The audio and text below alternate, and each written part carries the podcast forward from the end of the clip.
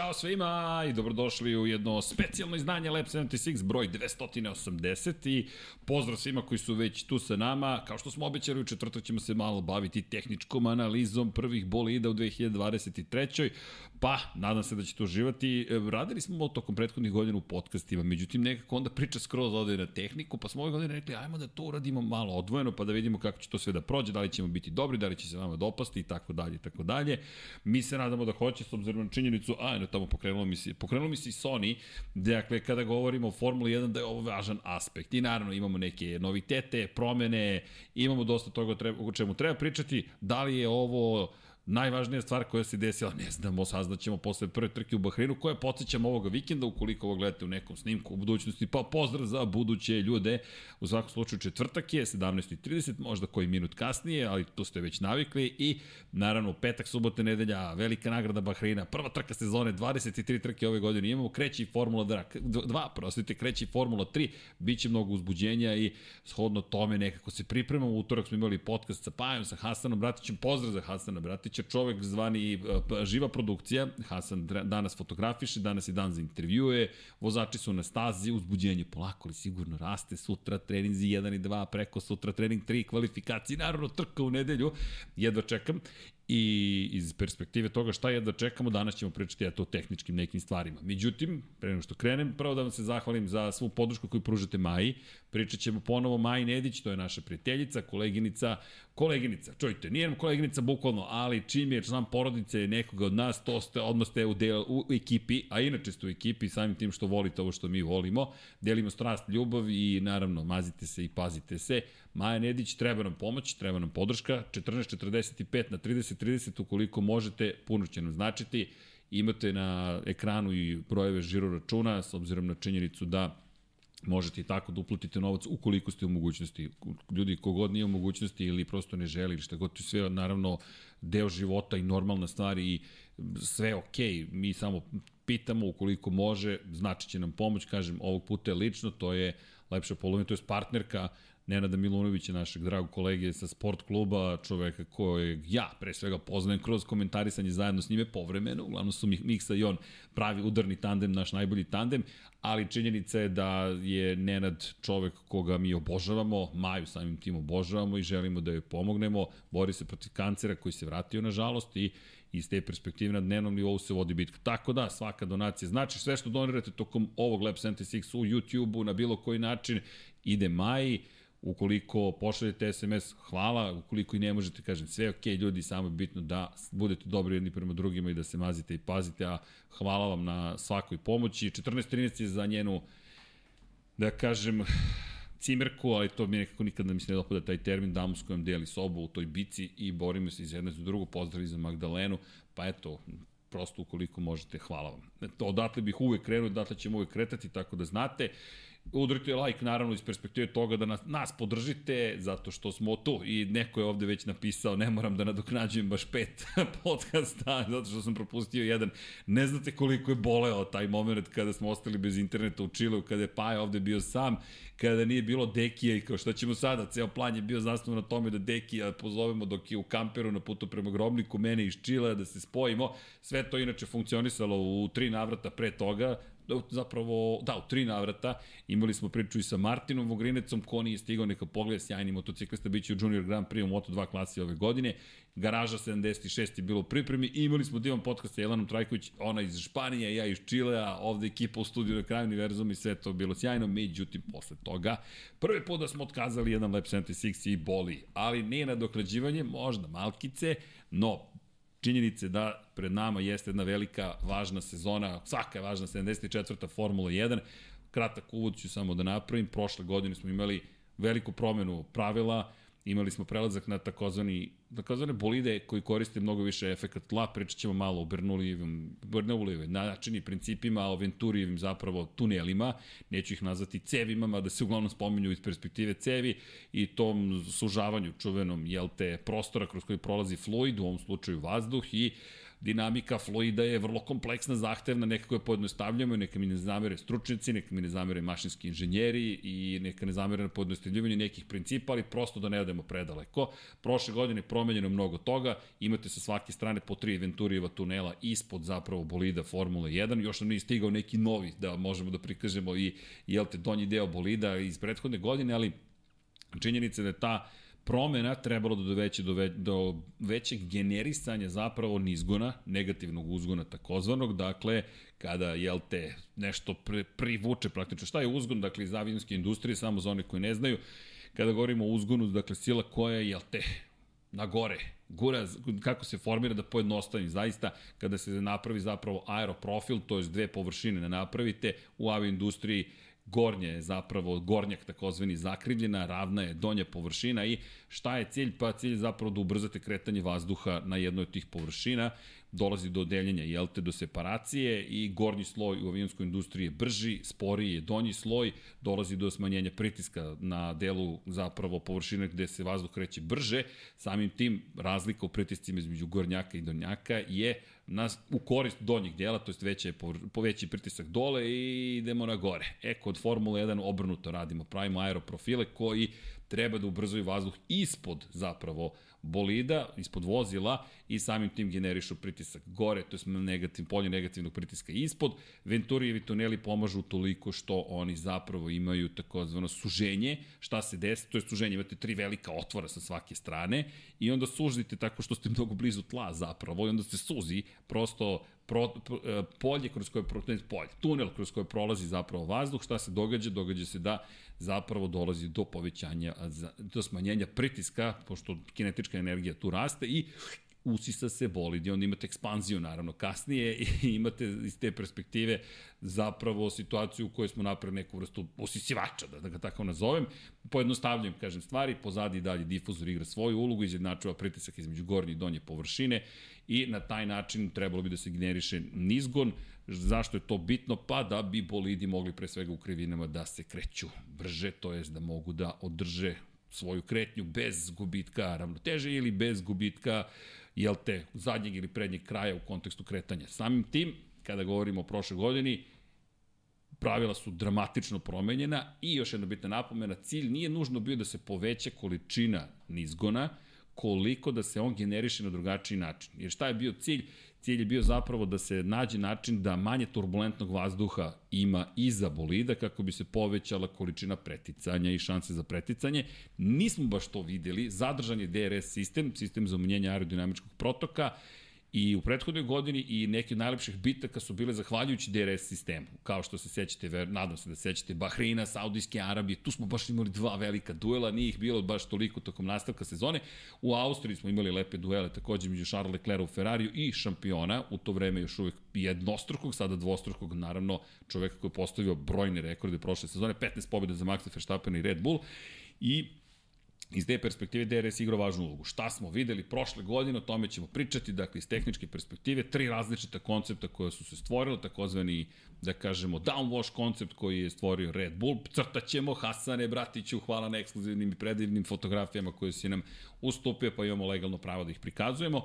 Imamo taj takozvani invoš, to je skadicu koju je uveo Ferrari i imamo Mercedesov zero pod koncept, dakle bez praktično bočnih površina, koji ove godine malo podemljen, malo je narastao, ali je i dalje ostao Mercedes veran tome. Hajde da imamo još jednu stvar kada je reč o uvodu, a moramo da pišemo time kodove. Dakle, hvala vam, ovo je sada nova pravila. Šta su nova pravila? Ono što je bitno napomenuti kada je reč o, o novim pravilima, pre svega jeste da su ivice, dakle kada govorimo o ivicama bolida, bočne, bočne stranice, aj bolje tako da to, to prevedemo, su podignuti za 15 mm i u cilju da se smanji količina negativnog uzgona, to je nizgona, i jedan od ciljeva je zapravo da se smanji efekat poskakivanja, koji je direktno povezan sa efektom tla, ko je najbolje razumeo da će se to desiti prošle godine, genijalni Adrian Newey, glavni, to je tehnički direktor Red Bulla.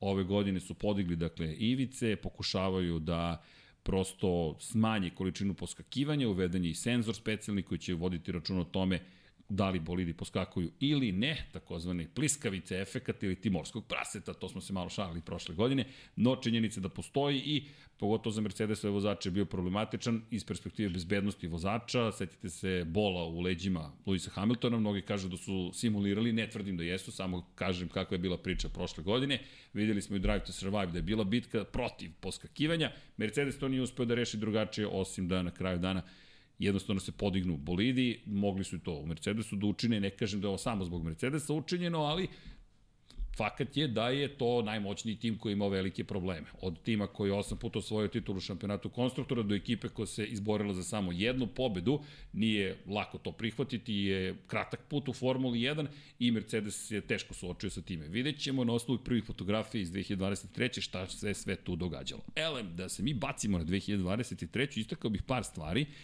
A to je, ne zamerite, malo ću da lutam po fotografijama, pošto tabla danas nam nije usposobljena, pa smo mi napravili kombinaciju gde ću ja zapravo da iskoristim moj računar, da crtam zajedno jel te, sa ekipom, to je koleginica Brode, to je Petar negde i njima je inače konstantno hladno, meni je konstantno vruće, ali to je sve u redu s obzirom da, da moraju da vode računa o sebi, grejanje je onako ozbiljno, ali ukoliko se budem znojati da znate za šta se događa zapravo, ovde su upučeni sa sedam slojeva, ja sam u majici kratkih rukava, ali to, to je zimogrožljivost. No, ajmo mi da se bacimo na par stvari. Dakle, kada govorimo o promenama, šta bih istakao, samo da vam pokažem par stvari, a jedna od njih jeste, krenuo bih zapravo, samo sekund, molim vas, od Ferrarija. Ja sam već počeo da crtam i preview je tu. Dakle, ajmo da krenemo od Ferrarija, zašto? Ajmo da krenemo od prednjeg krila. Prednje krilo, kao što možete da vidite, ovo je bolid iz 2023. Hvala Hasane, ovde su testirali, pretpostavljam, srednje tvrde gume i Ferrari u rukama Carlosa Sainca u ovom momentu, inače samo jedan bolid po ekipi imate na raspolaganju. Šta je bitno iz perspektive onoga što smo videli i crtaćemo opet uživo, jel te? To su ovi ovde elementi. Dakle, ako obratite pažnju na ove elemente, ovih pet elemenata, šta je njihova funkcija? Da odvoje zapravo površine krila, ovu površinu od ove. Zovu ih separatori zapravo i oni zaista služe tome. To jest, prošle godine smo u Majamiju videli Mercedes da je došao sa inovativnom idejom da stvori takozvani outwash. Šta je to? Da se preusmeri zapravo kretanje vazduha ka spoljnem delu bolida. Outwash, dakle da strujenje vazduha zapravo bude usmereno ka spoljnoj strani bolida. Inače, nikad ne želite da da vazduh, to jest, problem je uvek sa točkovima, točkovi stvaraju ozbiljno vrtloženje vazduha iza i gurate vazduh što, opa, nisam znao ni da ovo mogu, e, ka spolje što je više moguće. Takođe i ovaj element to čini. Dakle, obratite pažnju inače na ovaj ovde deo, o tome ćemo pričati kasnije kod Ferrarija, nije toliko inovativan, ali i on će igrati ulogu u stvaranju takozvanog outwasha, dakle, guranja vazduha ka spoljnom delu. Elem, Ferrari je ovo uveo zahvaljujući činjenici da je zapravo Međunarodna automobilska federacija sa, izbrisala iz dela pravnika koji se bavi prednjim krilom da ovi, dakle, separatori, da ovi separatori primarno imaju ulogu mehaničke prirode. Dakle, prošle godine su dali tumačenju Mercedesu koji u Sjedinje američke države zapravo stigao s ovim krilom, planirao da se trka u Meksiku sa, sa ovim elementima, da to možda neće baš biti legalno. Sad, to možda neće biti legalno, nikad ne znate dok ne izađete na stazu, pa vam delegat kaže da li je legalno ili nije, i s druge strane, da li se neka ekipa buni ili ne.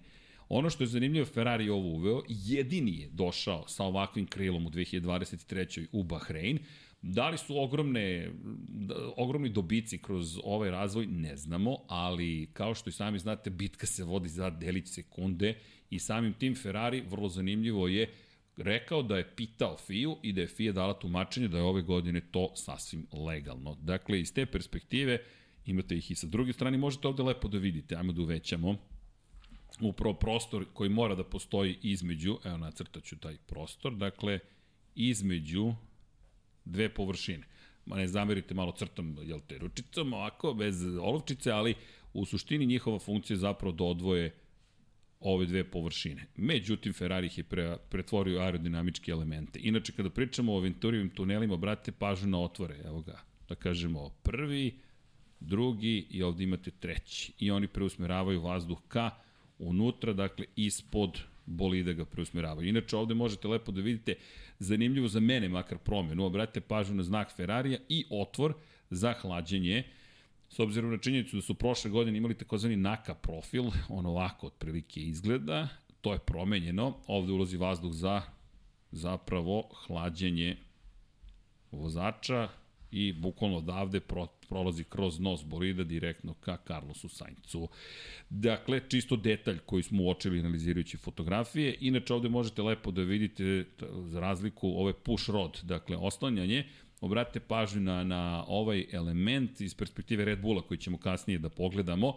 Push rod, dakle potisna spona takozvana, potiskuje, jel te, to jest kada dođe do udara točka, kada dođe do kretanja na gore, ona potiskuje, ovde je sistem za amortizaciju ispod broja 55. Kod Red Bulla je to drugačije učinjeno i ove godine znamo mnogo bolje da je zapravo Adrian Newey uveo pull rod, to, to jest da je vučnu sponu uveo zahvaljujući tome što želi da način na koji vazduh se preusmerava na zadnji, i to je bočni kraj bolida bude drugačiji. E sad, ovde je mnogo važno pomenuti da ovde ispod se krije ta čuvena kadica, vidjet ćemo je kasnije u kadrovima, i pretpostavljam da odgovara Ferrariju da ima push rod oslanjanje, ovo su inače otvori za hlađenje.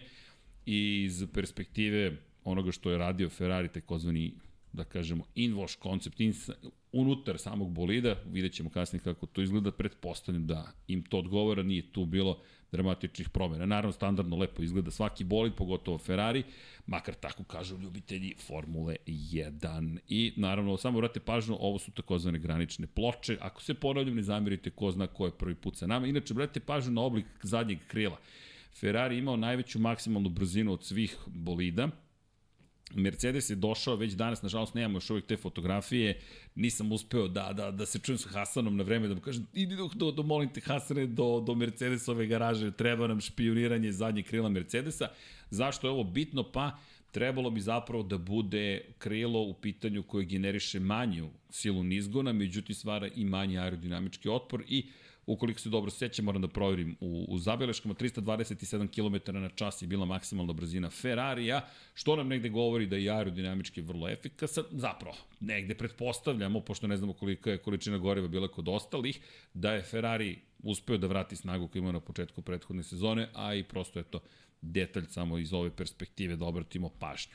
Ako možemo sada da se prebacimo nazad u studiju da bih ja našao fotografije, da ne biste se gledali po folderima mojim šta gde, ko, kako tu je namešteno i šta izgleda. E da, ovo mi je super s obzirom na činjenicu da zapravo, ajde možda mogu ovako. E da, može kamera, molim vas, na, na računar. Hvala. Ovo je dakle Ferrari, obratite pažnju, i ovo je divan pogled zapravo na Mercedesovo krilo prednje. I ako obratite pažnju, koje su razlike o kojima upravo govorim, evo ih klasične, dakle, samo da uključimo crtanje. Dakle, obratite pažnju na, na, na ove separatore. Klasični separatori, jednostavno njihov je posao da pod jel te pritiskom koji vazduha koji dolazi i potom koji pritiska ovu, ovu površinu, zapravo ovo ovde, ne dozvoli da dođe do kontakta, tu prosto mora da bude separacija. I to je jedan vrlo jednostavan mehanički element, kao što možete da vidite sa druge strane, kod Ferrarija, da uvećam, dosta kompleksnije, a to je sve krenulo od Mercedesa, vrlo zanimljivo. Pa eto, čisto znate, i još jedna bitna napomena, razlike o tome kako izgleda prednje krilo, ovde se sad vidi dizalica, ali nema veze, obratite pažnju i ovde, drugačiji otvor za vazduh i način na koji je spojeno zapravo prednje krilo. Ako pogledamo kod Carlosa Sainca, oprostite, ovo sam otišao na pogrešnu stranu, možete videti ovde između prve, ovo je prva, ovo je druga površina, imamo ovde otvor kod nosa, toga nema kod Mercedesa, dakle prva površina je spojena zapravo sa nosom, nije prvi, prvi put da vidimo ovo rešenje, ali eto, čisto da to ne zaboravimo. Ovde možete takođe videti vrlo lepo Lewis Hamilton je u bolidu, kako izgledaju jel te, otvori, ajde iz druge perspektive ću da ih prikažem, pošto ovo je ipak leva strana bolida, otvori s Venturijevim tunelima, isto push rod, potisna spona, oslanjanje na prednjem kraju, i bio nam zaista lep Mercedes. Čekaj da vidim da li ako većemo možemo da vidimo gde je Nismo baš hteli najveću rezoluciju, ali rekao bih da se ovde može videti, sad ne zamerite, nisam 100% siguran, razlika između dela koji je ofarban i dela koji je od ugljeničnih vlakana. To je ono što je zanimljivo ove godine. Mercedes, kao što smo pretpostavili, je izabrao da ide putem crne boje s obzirom na činjenicu da je to put koji smanjuje težinu bolida. Inače, s ove strane ne može da se vidi, ali kada je reč o prednjem krilu, to je najveće unapređenje koje smo videli najkontroverznije. Vratite pažnju na ovaj deo ovde. Ako mogu da vas zamolim da se prebaci, samo da nađem fotografiju koja će lepo da prikaže ovaj koncept. Hasan je jedan potpuni genije. Šta smo imali prilike da vidimo? Imali smo prilike da vidimo, samo da nađem gde mi je ta fotografija, jedan vrlo lep moment u kontekstu tog i drugih timova. Mercedes je tu bio možda najagresivniji, samo da vidim da li... E da, imamo i Aston Martin, to će biti super. Sad ćemo sve to da vam prikažemo. Aston Martin, Red Bull, Haas, Mercedes su vrlo zanimljivi po, po tom pitanju. Pre svega, rekao bih, ekipa Haasa i Aston Martina, ali samo da nađem gde mi je kadar sa Mercedesom. Hoću da ispoštuju Mercedes, pošto su oni prvi zapravo to učinili. E, možda ovaj kadar nije loš, samo da ga otvorim, pa ćemo da nađemo još neki. E, ako može sada, molim vas pogled iz ove perspektive gde smo malo pre imali Ferrari, ovde se još bolje vidi zapravo. Obratite pažnju na, na, na, na, na, na, samo da ovde upalimo crtanje, na nekoliko stvari. Ovaj ovde deo je mnogo zanimljiv. Obratite, ups, ovo pogrešan alat sam uključio. Šta mi se desilo ovde? Zašto mi je alat... E, ne, ovde biram. Eto. Dakle, ovo je u pitanju i ovde možete vidjeti otvor, dakle, za vazduh praktično, jer cilj je zapravo, e, poremetio sam nešto alate, samo sekund molim da osposobim moj crtački instrument. Sad ćemo mi to da sredimo, nemam pojma šta sam učinio, hvala. E, da vidimo gde smo, o, u, čekajte, sad ćemo mi to da osposobimo ponovo.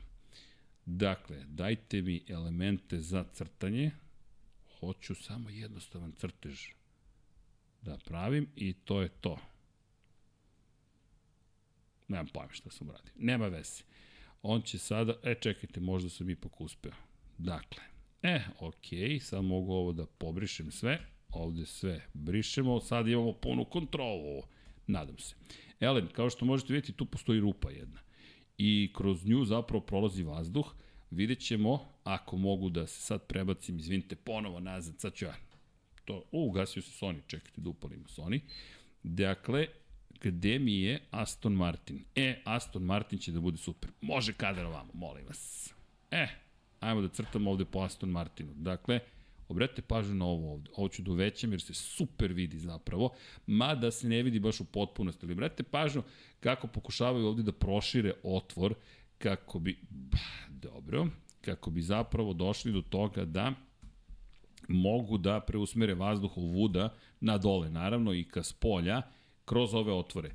Inače, po pravilniku ovo nije baš trebalo da izgleda ovako, međutim, naravno, inovativni inženjeri, inženjeri u Formuli 1 su našli način da zapravo ovo pretvore u mali trik, dakle, granična ploča zajedno s ovim površinama se drugačije spaja i ovde imate sve veće otvore na prednjim krilima, o tome se sve više i više priča. Nemam predstavu zašto mi se sad alat promenio, ali okej, okay, nešto sam učinio ko zna šta, kako god, možda sam updateovao software, kako god pojenta je da ovde imate otvore zapravo koji su pomalo neočekivi. Neče, brate, pažnju na oblik prednjeg krila kod Aston Martina, koje dosta drugačije izgleda. Inače, jedan od ciljeva je zapravo isto imamo push rod oslanjanje, ovde ćete vidjeti razliku kod Red Bulla najviše. Cilj je da imate što bolji protok vazduha ovim delom, a ovde da preusmerite što više, jel te, vazduha ka spolja koji vam smeta I ono što je tu problem, zašto ovaj vazduh ovde ne žele outwash da se generiše, zapravo ne žele da se turbulentan vazduh tamo pojavi iza koji će uticati na bolide koji vas prate. Iz te perspektive, jednostavno, to je nešto što su hteli da izbjegnu. Inače, znam da treba pričamo o prednjih krilima, ali ne mogu da pobegnemo od ovoga, ne zamerite ako bude malo skakao sa, sa kadra na kadra. Obratite pažnju na ovaj isečak ovde. Hasane, obožavam te, uradio si upravo ono što smo pričali, I obratite pažnju na ovaj koncept. Zapamtite ovaj koncept, mnogo je važna ova fotografija, jer ovde imamo, ovo je ovde jedna ogromna rupa. Dakle, ono što smo pričali pre, kad imate, ups, nešto sam tu činio, dakle imate Hasana Bratića na licu mesta, onda vi dobijete mogućnost da ovo moje crtanje postaje sve gore, dobro, neću više da se igram ovako, rupa je u pitanju i zaista je ogromna rupa u pitanju, ono što je meni tu fascinantno jeste što ovo kombinacija između nečega što su radili Red Bull i Ferrari. Kod Ferrarija, a čekajte, imamo mi ovde trikove, annotate možemo da stavimo, ne, ne, ne, u redu je, u redu je, tekst, dakle, mogu ja da ostavim i tekst ovde, ne mogu, pogrešio sam. Dakle, a tekst je trebalo da glasi da je ovde kadica. Ovo imamo kod Ferrari, ovde imamo kadicu. I kod Red Bulla imamo taj koncept, dakle, vazduh koji prolazi ovim delom, dakle, ispod i ide ka zadnjem kraju. I onda imate zapravo ovuda isto vazduh koji se spušta, kondin efekat pre svega se koristi gde vazduh ostaje pripan uz, po samu površinu, a onda se susreću negde ovde kod difuzora i zapravo poboljšavaju prosto aerodinamičku efikasnost samoga bolida, to jest generišu opet nizgon. Još jedna bitna napomena, vratit ćemo se na Mercedes, obratite pažnju na ovaj ovde deo.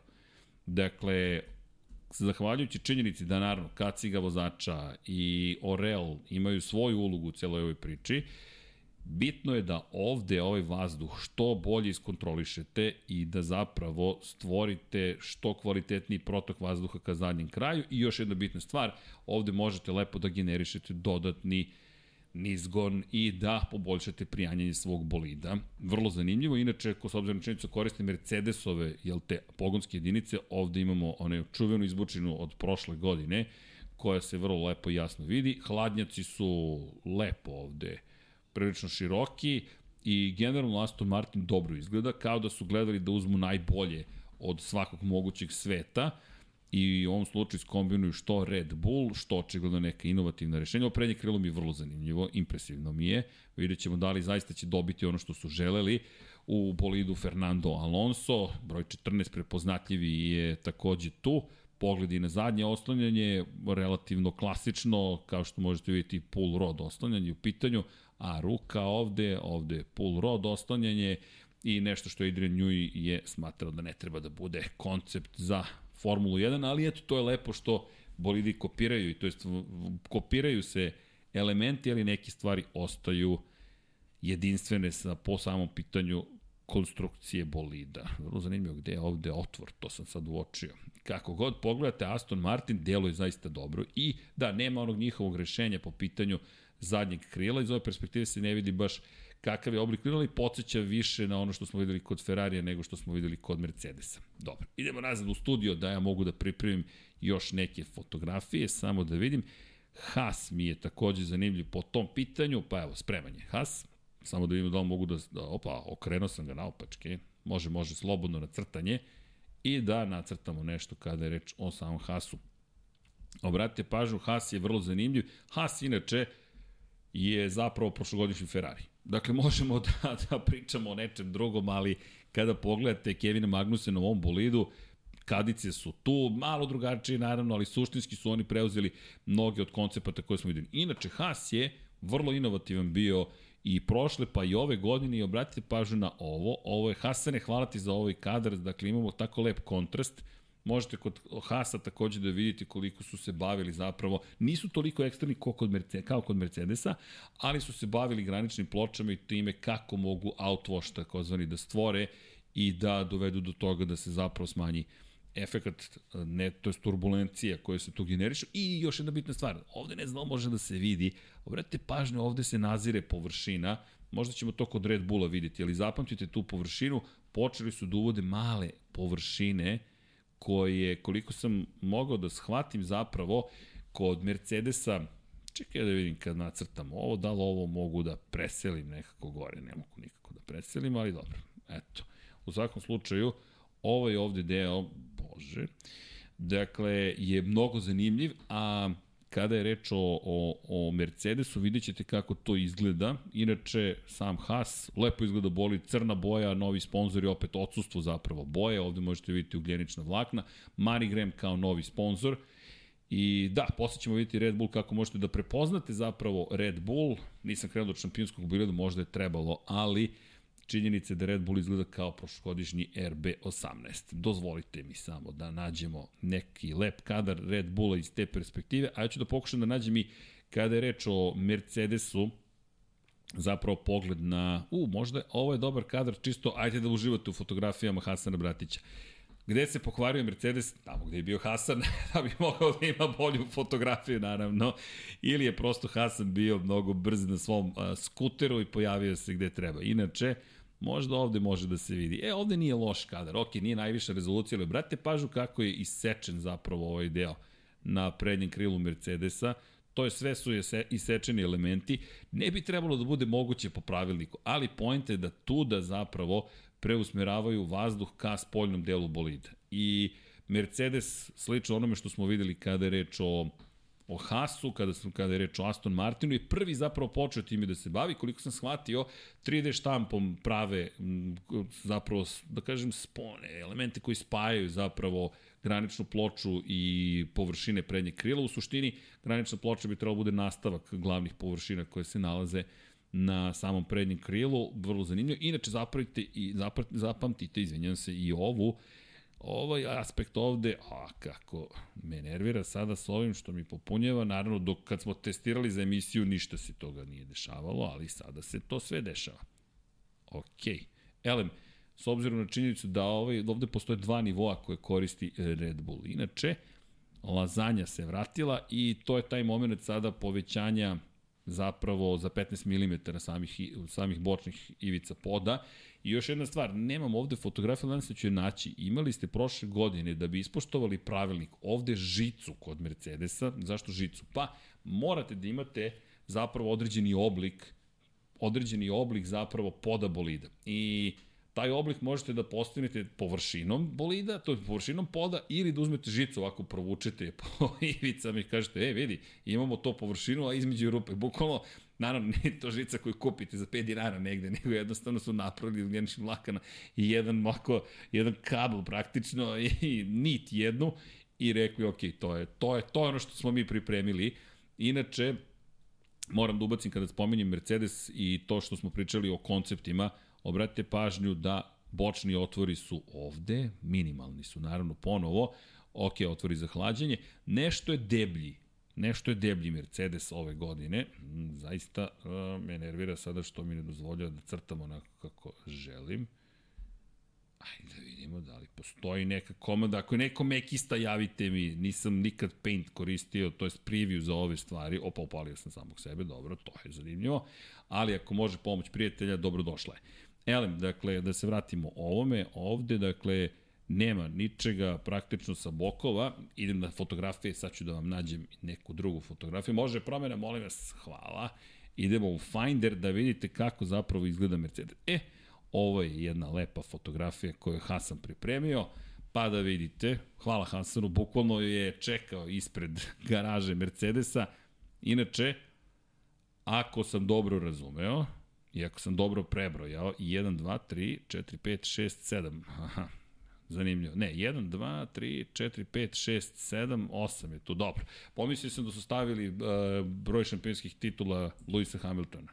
Mada sad. Ako su stavili 8, 1, 2, 3, 4, 5, 6, 7, 8, hm, 11 11 ih ima. Možda su, ovo mi djeluje kao da je jedna zapravo, da je tako nacrtana da izgleda kao da je jedna. Ali dobro, to je sad neka druga tema o kojoj sam upravo otvorio sam. Dobro, idemo mi nazad da crtamo. Dakle, obrate pažnju, nema ničega na bokovima. Prazno, jednostavno ovuda, treba da se preusmeri vazduh. Šta je, šta je pojnta? Ovom površinom zapravo ovde se samo preusmerava nazad, nema tog spajanja između ovog dela, dakle fluida i ovog ovde, nema nikakvog preusmeravanja vazduha na dole preusmeravate ga samo na gore. Ono što je međutim dosta drugačije, to je polica, tako su je nazvali prošle godine. Alfa Tauri mislim da je prvi uveo policu takozvanu, ovuda ide vazduh od vozača, od njegove kacige ka pozadi i sa jedne i sa druge strane i to je neka od najvećih napređenja. Inače, ovo ovde je potpuno prazno. Ovo sve ovde što vidite, ispod nema ničega, ništa se ne krije ispod. Jednostavno, to je praznina, ovdje gde piše Team Viewer, jel te, I samo je pojenta da je to sada postoje jedan bitan aerodinamički element, kao što možete vidjeti, sad iz ove perspektive se ne vidi, ali volio bih da vam prikažem krilo i spreda, ali evo ga pogled na pod, opet kompleksno, podignuto, međutim ka unutrašnjosti kada idete, naravno, sve to izgleda malo drugačije. Inače, opet pogled na Venturijeve tunele sad sa druge strane. I ono što često napomenjamo kod Mercedesa, ovo je jednostavno bezbednostni element koji morate da imate da za zaštiti od bočnog udara i naravno veći retrovizori ove godine, da ne zaboravimo taj deo priče s obzirom na činjenicu da je pravilnik to eksplicitno definisao, veći su retrovizori, naravno veći otpor vazduha, ali takođe i bolje vidljivost za vozače. Podržavamo 1000% tu situaciju i apsolutno navijamo za to da bude poboljšana bezbednost. Ovo je jedan od prvih izlazaka Luisa Hamiltona na, samo, Luisa Hamiltona na samu stazu u važnoj sezoni bitka što protiv Georgea Russella, što protiv ostalih 38 godina, da li može, da li ne može. Idemo na neke druge fotografije da iskoristimo priliku. E sad, ono što bih takođe vam pokazao tiče se, kad sam već ovde, Mercedesa, pa da vidimo da li... Ovo je lep kadar, Hasanu hvala, večno, dakle, s obzirom na činjenicu da ovaj kadar može da vam pokaže kada neko koči, jel te, onda možemo da dobijemo lep pogled zapravo na to kako obstrujeva vazduh kada već nismo po kiši ili kad nemamo testove, hm, nešto je sad presto da mi funkcioniše preview u potpunosti, ne, ne, sve redu, sve redu, ne mogu sad da ga kontrolišem baš, ali nema veze. Elem, dakle, opet, zanimljiv je zadnji kraj, a pogrešno sam fotografiju otvorio. Samo mi sekund, dajte, ali može da se iskoristi. Ne, ne, ne, sve u redu. Obratite pažnju na ovo.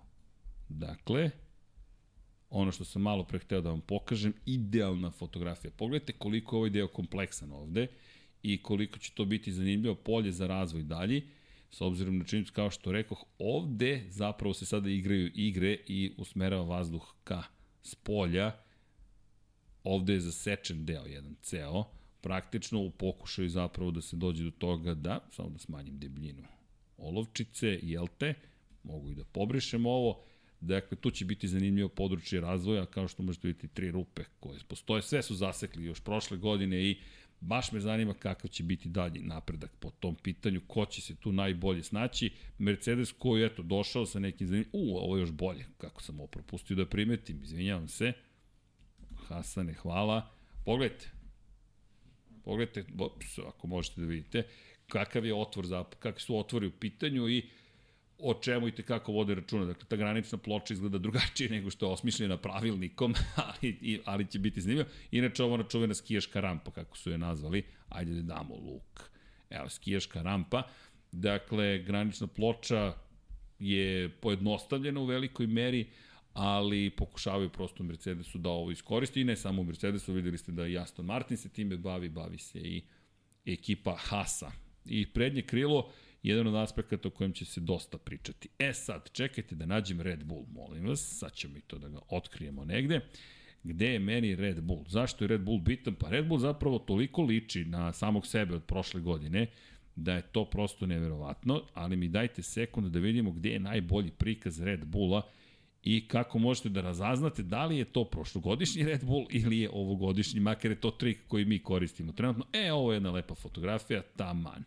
Ajmo Dakle, Max Verstappen u bolidu i kao što možete vidjeti flow viz boja, testiranja, testiranja, testiranja, dosta liči na samog sebe od prošle godine. Inače, ovo je prvi dan testiranja ovo je prvi dan da smo uopšte mogli da vidimo zapravo kako izgleda Red Bull i šta to radi Red Bull.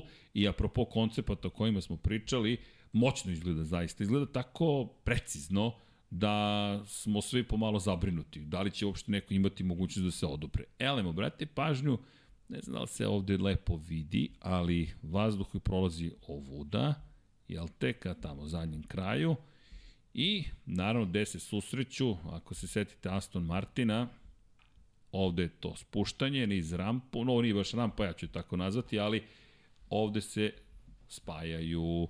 I iz te perspektive koncept koji mnogi počinju da prate i prate i prate i prate. I Najde da kažemo da imamo sada tri koncepta, dva mislim da će preovladati, Mercedes već sada počinje da priča o tome, bitni su mnogo od prve tri trke, prve četiri trke za Mercedes, Mercedes je već počeo da priča o tome da ukoliko, ukoliko ne, u redu je, ovaj kadar je super, ukoliko dođe do toga da zapravo budu menjali koncept, to će biti ovaj koncept koji podsjeća na Red Bull. I to je dosta klasičan nekako koncept. Ferrari ostaje veran svojim kadicama.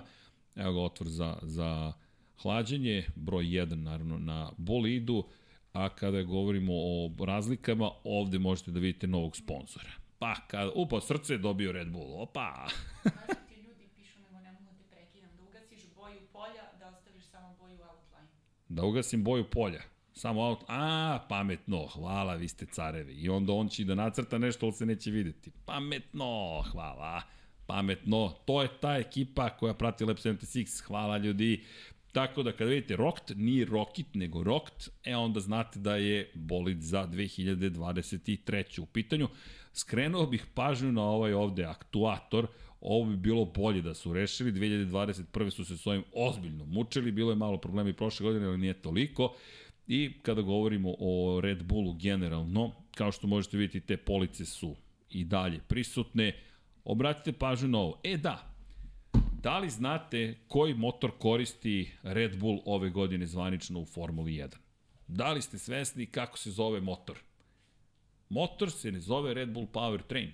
Motor se zove Honda 001.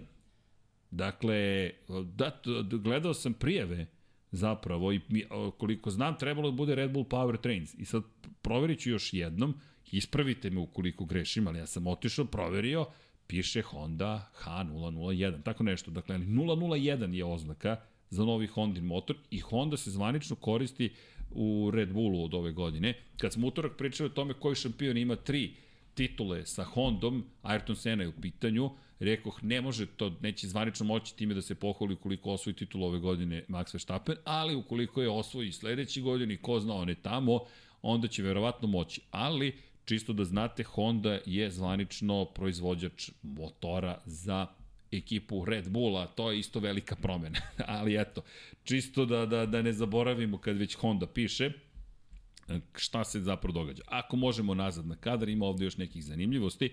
Možda Red Bull nije bio toliko dramatičan u izmeni graničnih polj. Obratite pažnju, e, ovo je super kadar.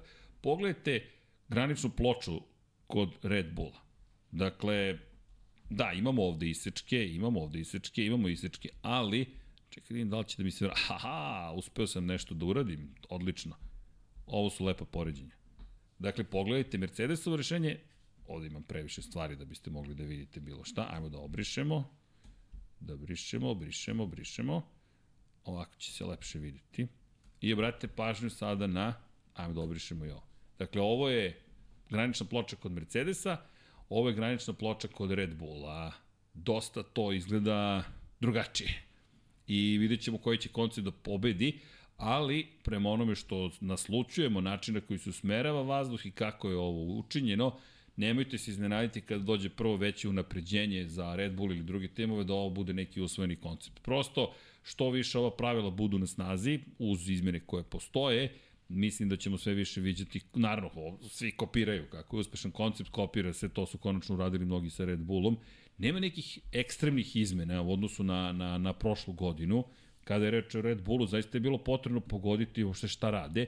Ono što je zanimljivo, ovaj kadar to ne otkriva, ali obratite pažnju na visinu bolida. Testirali su naravno i visine, i tekako su testirali visine bolida u Bahreinu, međutim prošle godine Red Bull je posle i nove direktive i tako dalje počeo da gura svoj bolid ka onom rešenju koje smo viđali u eri Sebastiana Fetela, Rake Concepts gde je prednji kraj niži, malo je viši zadnji kraj, v, opa izvinite, Dakle, vrlo zanimljiva su ta neka rešenja koja, koja Red Bull negde izlači iz prošlosti, ali i te kako to podsjeća na ono što radi Adrian Newey. Čekajte da nađem sada fotografiju gde može da se vidi malo drugačije Mercedes, ne vidi se iz ove perspektive.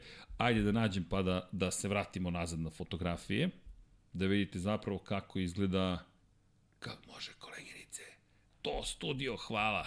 E, sada da vidite zapravo, mm, ovo nije loš možda kadar, samo sekund, samo sekund da vidim da li ima bolji ipak za Red Bull. E, ovo je dobar kadar kada govorimo o prednjem kraju iz perspektive oslanjanja. Ako se sećate onoga što smo pričali za Ferrari i toga kako su rešenje primenili za oslanjanje, Dakle, potisna spona, e pa imamo vučnu sponu u ovom slučaju, ovo inače upravljačka spona, ako se ne varam, a ruka se baš i ne vidi, da li je moguće, čekajte, vidim da nije ovo a ruka, a dole da je upravljačka spona, samo da vidim ovo delo je ipak kao, e da, svojim se igrao prošle godine Red Bull, obratimo pažnju na ovaj ovde aspekt. Oni su se baš igrali sa, ovo inače mnogo kompleksno napraviti, da su na različite, ne, ovo ipak, ovo izgleda da je jedna A ruka. Aha, i da ugasim i ovde boju. Ne, ugasio sam boju, ovo ko zna kako mi se pojavilo. Ali dobro, dakle imate sledeću situaciju i imate naravno potisnu sponu ovde, dakle, koja, jel te, drugačije funkcioniše kada je reč, o tome, suštinski su isti principi, ali kada govorimo o, o vazduhu, kako ga usmerate, Njui, prema njegovim rečima, je hteo da može drugačije da kontroliše sam bolid. Inače, ove godine Naka stil je u pitanju, zaista ne znam, ugasio sam boju. Okej. Sad neće ni da radi ovde gore. Dobro, preview, rekao bih da nije planiran da se ovako koristi. Ali Naka Style, ono što smo pričali što je Ferrari imao, i kao što možete vidjeti kod Red Bulla prisutan, HRC stoji, Čeko Perez je u kadru, ali lep pogled zapravo na to kako drugačije imaju prednje oslanjanje u Red Bullu. I da pogled lep na zadnje krilo.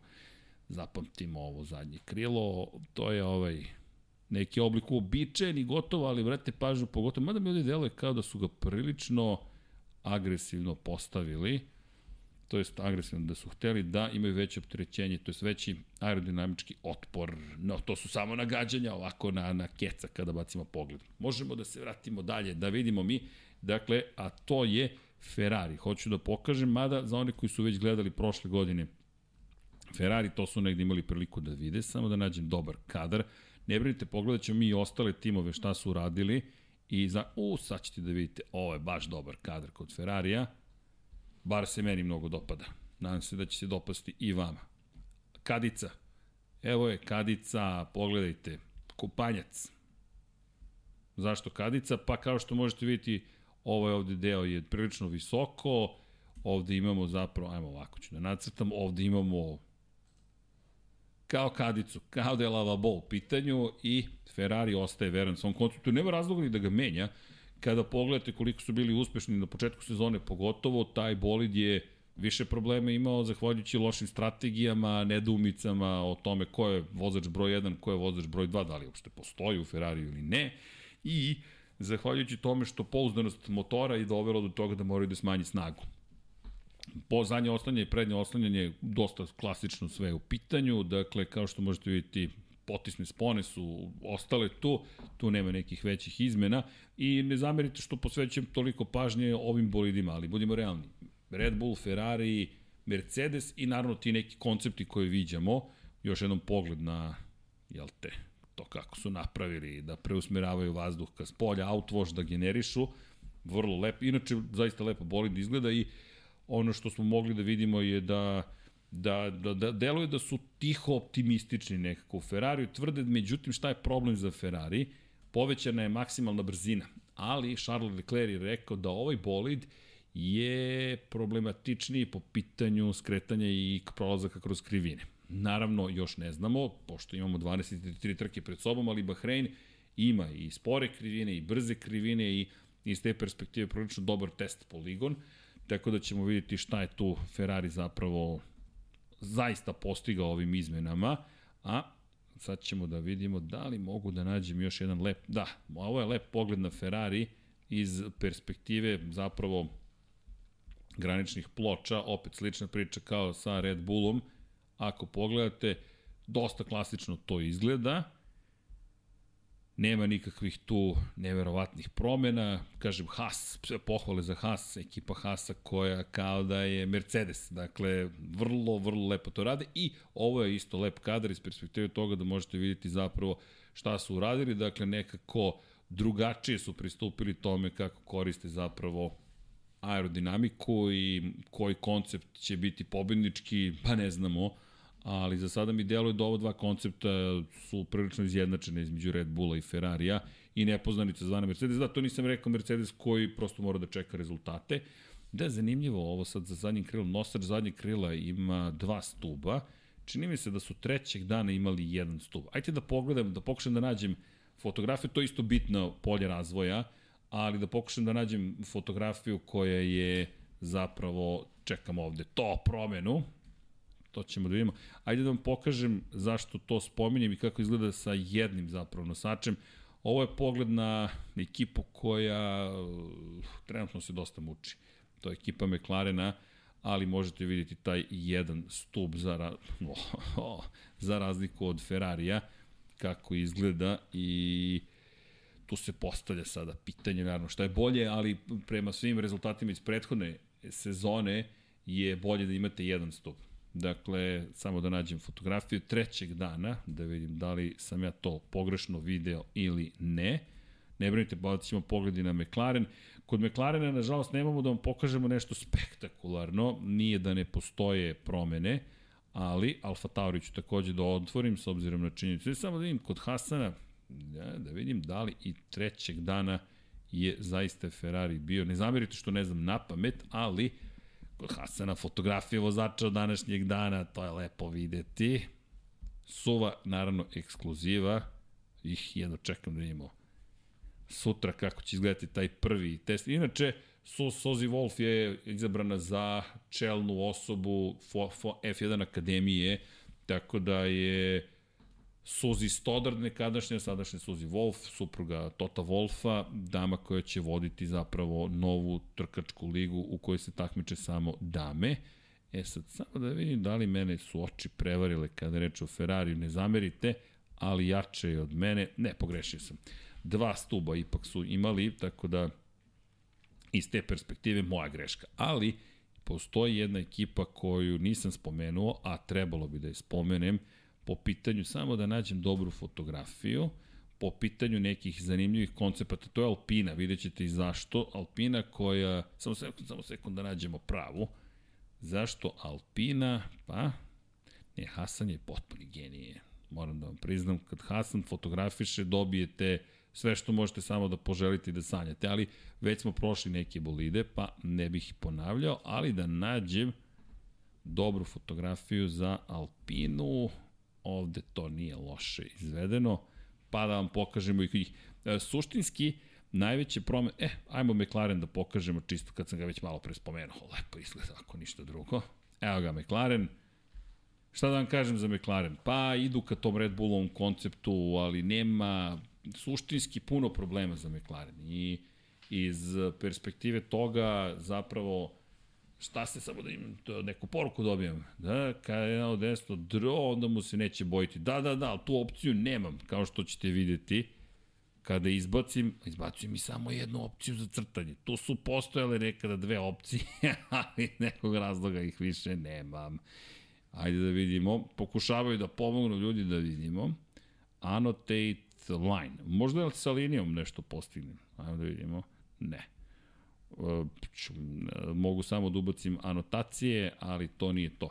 E, ljudi, snalazim se ovako kako se snalazim, pa tu smo, nije loše za sada. Ali ništa nisam od nacrtu za McLaren.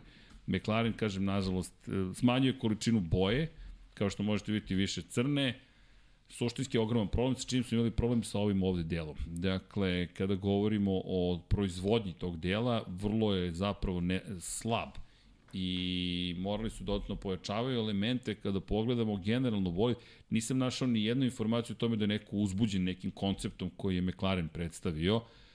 Voleo bih da vam kažem da je drugačije, potreba nam je brz i dobar McLaren. Najveća priča je što je Jenson Button rekao da je iznenađen da je potpisao višegodišnji ugovor Lando Norris sa ekipom McLarena. Lando je rekao kad ljudi govore loše stvari o meni, nemam šta da kažem osim ok. Ali ako obratite pažnju, dosta jednostavan koncept koji potiče na Red Bull o kojem smo već pričali. Ajmo da bacimo po... O, ovo je Hasanov sajt, to ne morate da vidite. Da, eh, evo je Alpina. Dakle, mada ovo tamna fotografija, ne vidi se lepo. E da mogu bih Alfa Tauri da spomenem, ne zamerite što malo skakućem, ali Alfa Tauri je pomerio zapravo osnov, zapravo prednju osovinu je pomerio napred.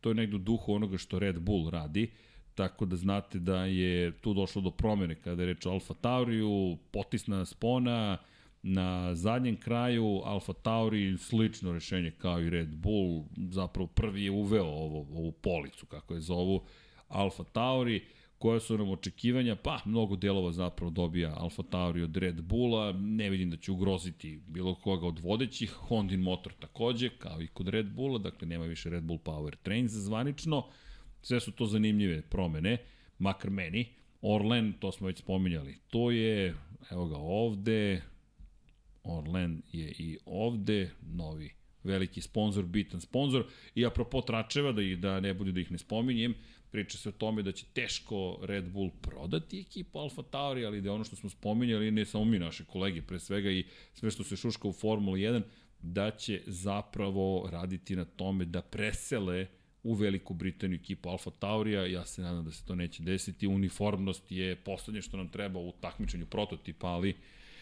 idemo ka tom nekom svetu, pa eto, čisto da, da budemo svesni da može da se vrlo lako desi zapravo, da ćemo na kraju doći do toga da zapravo su svi manje više jedni pokraj drugih. Samo da vidim gde mi je zapravo u celoj ovoj priči, ne znam da će se baš najbolje videti, ali ajde da probamo. Ovde, ajde, ovo bi mogao da biti jedan kadar koji je pristojan, noćni je, ali bez obzira. Šta je uradila ekipa Alfa Taurija? Dakle, po pitanju bokova, da po pitanju granične ploče prednje krila nema tu nekih ozbiljnih inovacija. Kao što možete vidjeti, klasična granična, klasična granična ploča, ovaj deo ovde je isti.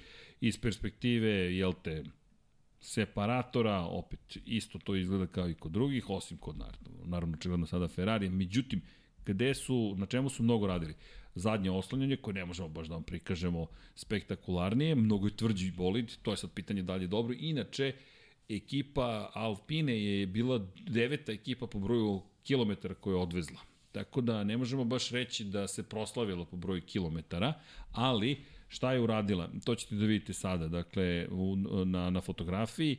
Dakle, Alpina, ako može fotografija, šta je uradila? Dakle, otvor vazduha, ok, hladnjaci, da vidjet ćemo, zavisi gde vozi i kada vozi, međutim, ovaj deo ovde je drugačiji nego kod ostalih. Dosta liči na ono što je uradio Aston Martin, jer Aston Martin je otisao najagresivnije po ovom pitanju i Alpina kombinuje zapravo kao i Aston Martin kadicu Ferrarija i koncept tog Red Bullov koncept taj, dakle, downwasha sa, sa gornje strane, naglasenog tog spuštanja, ali nema takve rupe. I pritom bok, kao što možete vidjeti, dosta visoko stoji. Međutim, Alpina, eto, negde između koncepata, čekamo da vidimo da li će to zaista doneti Alpini ono što, što želi. Ja se nadam da će biti brzi, zaista su nam potrebni i bolid koji je dosta zanimljiv po pitanju težine, rekli su makar da je dosta lakši nego što je treba, nego što su pra, nego što pravila da kažem nalažu. Ali takođe je činjenica da je bolid spreman stigao osim što se eto malo, ja moram pristati zabrinut po tom malom broju krugova, iako svi negde očekujemo puno od Alpine. Ajde da vidimo, Renault naravno, tek za Alpinu. Aha, prebacili ste me u studiju, mogu da potržim neke druge fotografije, hvala. Hvala, hoću da vam pokažem još par stvari. Kada govorimo o, o analizi, dakle, i onome što smo imali prilike da vidimo, e da, ovo mi je super kadar iz perspektive Zaubera, to jest Alfa Romeo, kao što možete vidjeti ovaj ovde element je, ovo mi je super zanimljivo zato što se ovde najbolje zapravo vidi, možete po boji da razaznate šta su ugljenična vlakna, šta nisu. Ovo je vrlo, vrlo zanimljivo. Dakle, obratite pažnju na ovaj spoj, no ovde, ovaj spoj koji je napravljen. Dakle, vi proizvedete krilo koje se zapravo završava, izvinjam se, ovaj deo, dakle, ovde. Ovde se završava a onda odštampate deo kojim ćete to da spojite zapravo sa graničnom pločom. Makar je to naše razumevanje situacije. Šta time dobijate? Dobijate da ovaj deo možete da menjate i da se poigravate s pravilnikom, a da su troškovi vrlo mali. Zato što vi zapravo štampate samo jedan deo. Ne morate da ispečete celo prednje krilo koje je ekstremno skupo, već ćete doći do toga da vi zapravo možete da se poigravate sa krilom na jedan malo drugačiji način. Inače, mnogo lepo izgleda, Zauber, to jest Alfa Romeo, što sam rekao Alpina malo pre, izvinjam se, Alfa Romeo je došao onako spreman i deluje da, da, da, da su dosta napredovali. Samo da nađem adekvatnu fotografiju, ako mogu da dobijem dva minuta, samo da vidite kako to Alfa Romeo izgleda iz jedne druge perspektive. Ima jedna lepa fotografija Hasanova koja Gvanju Joa, samo da je nađem, gde se zapravo vidi kako izgledaju hladnjaci, to je mnogo lepo, s obzirom na činjenicu da ih obično ne vidimo u senci, su sakriveni su i tako dalje. Imamo ovde i jedno, e, Alfa Romeo i lep pogled ćemo imati na ekipu, na bolid ekipe Hasa. Samo da ih sve pronađem, molim vas. Evo ga. Dakle, ako možemo krenemo Gvanju Joa. Gvanju Joe pogled, jel te, iz kabine, pripremljen za izlak. A da, ovo je super kad je već baš Gvanju Joe u pitanju, čovjek koji ima strašan incident u Silverstonu prošle godine. Roll hoop, jel te, je ojačan, tako da ne bi smeo da popusti čak i ukoliko naopački ponovo bude Guanju Joe. Inače, vozači nisu uvek iste visine. Dakle, u ovom trenutku možete vidjeti, može, može, to. Dakle, obratite pažnju na, na poziciju vozača. Vozači nisu uvek iste visine. To možete po očima da procenite, naravno po visini kacige. Nisam sad napravio komparativnu analizu, ali imaju opciju u okviru samog sedišta, to je same kabine. Inače, sama sedišta, pogledajte, toplo preporučujem YouTube kanal Mercedes AMG. Lepo su opisali upravo kako sedišta se ubacuju zapravo u kabinu, ali nisu prikačene kabinom. Pojasevi zapravo su ti koji, bukvalno, pojas na sedištu je taj koji drži samo sedište na, na, na mestu ali zašto je to tako učinjeno? Da bi lakše mogli da ih zvuku u slučaju potrebe. E sad, oni imaju mogućnost u zavisnosti od staze U Monaku, na primjer, sede najviše, na nekim drugim stazama što niže, utiču naravno na obstrojavanje vazduha i na aerodinamiku bolida. I iz ove perspektive može opet da se vidi ta čuvena stranica police. Ovde ide vazduh, jel te? Pa tamo pored glave Guanju Joa, ali eto, čisto da napomenem kada vidimo ovo. Malo pre sam reći spomenuo hladnjake. Obratite pažnju na ovaj deo, baš se lepo vidi, otvori za vazduh, jel te? Čekajte da imamo, da možemo da uskočimo unutra, da imamo, da sad ne znam da li je ovo separator neki, da li preusmerava deo vazduha, kao unutra jedan deo je, jel te, obično ovde hrane zapravo, i to je zanimljivo, to ćemo pogledati kasnije, bokove zapravo bolida, hrane sam motor sa unutrašnjim sagorevanju, a ovde su hladnjaci, ok, idemo na sledeći pogled. Obratite pažnju na Alfa Romeo iz ove perspektive, Hasane, care. Molim vas, svi zapratite Hasana Bratića, Hasan Bratić na Instagramu, to je pre svega trenutno bitno, da na društvenim mrežama povećamo broj pratilaca, instagram.com, kroz Hasan Bratica i možete da ga podržite, čovek koji nama ustupa fotografije i koga mi prosto obožavamo. Volimo kao čoveka pre svega, a potom i kao čoveka koji naš Lab 76 čini mnogo, mnogo, mnogo boljim.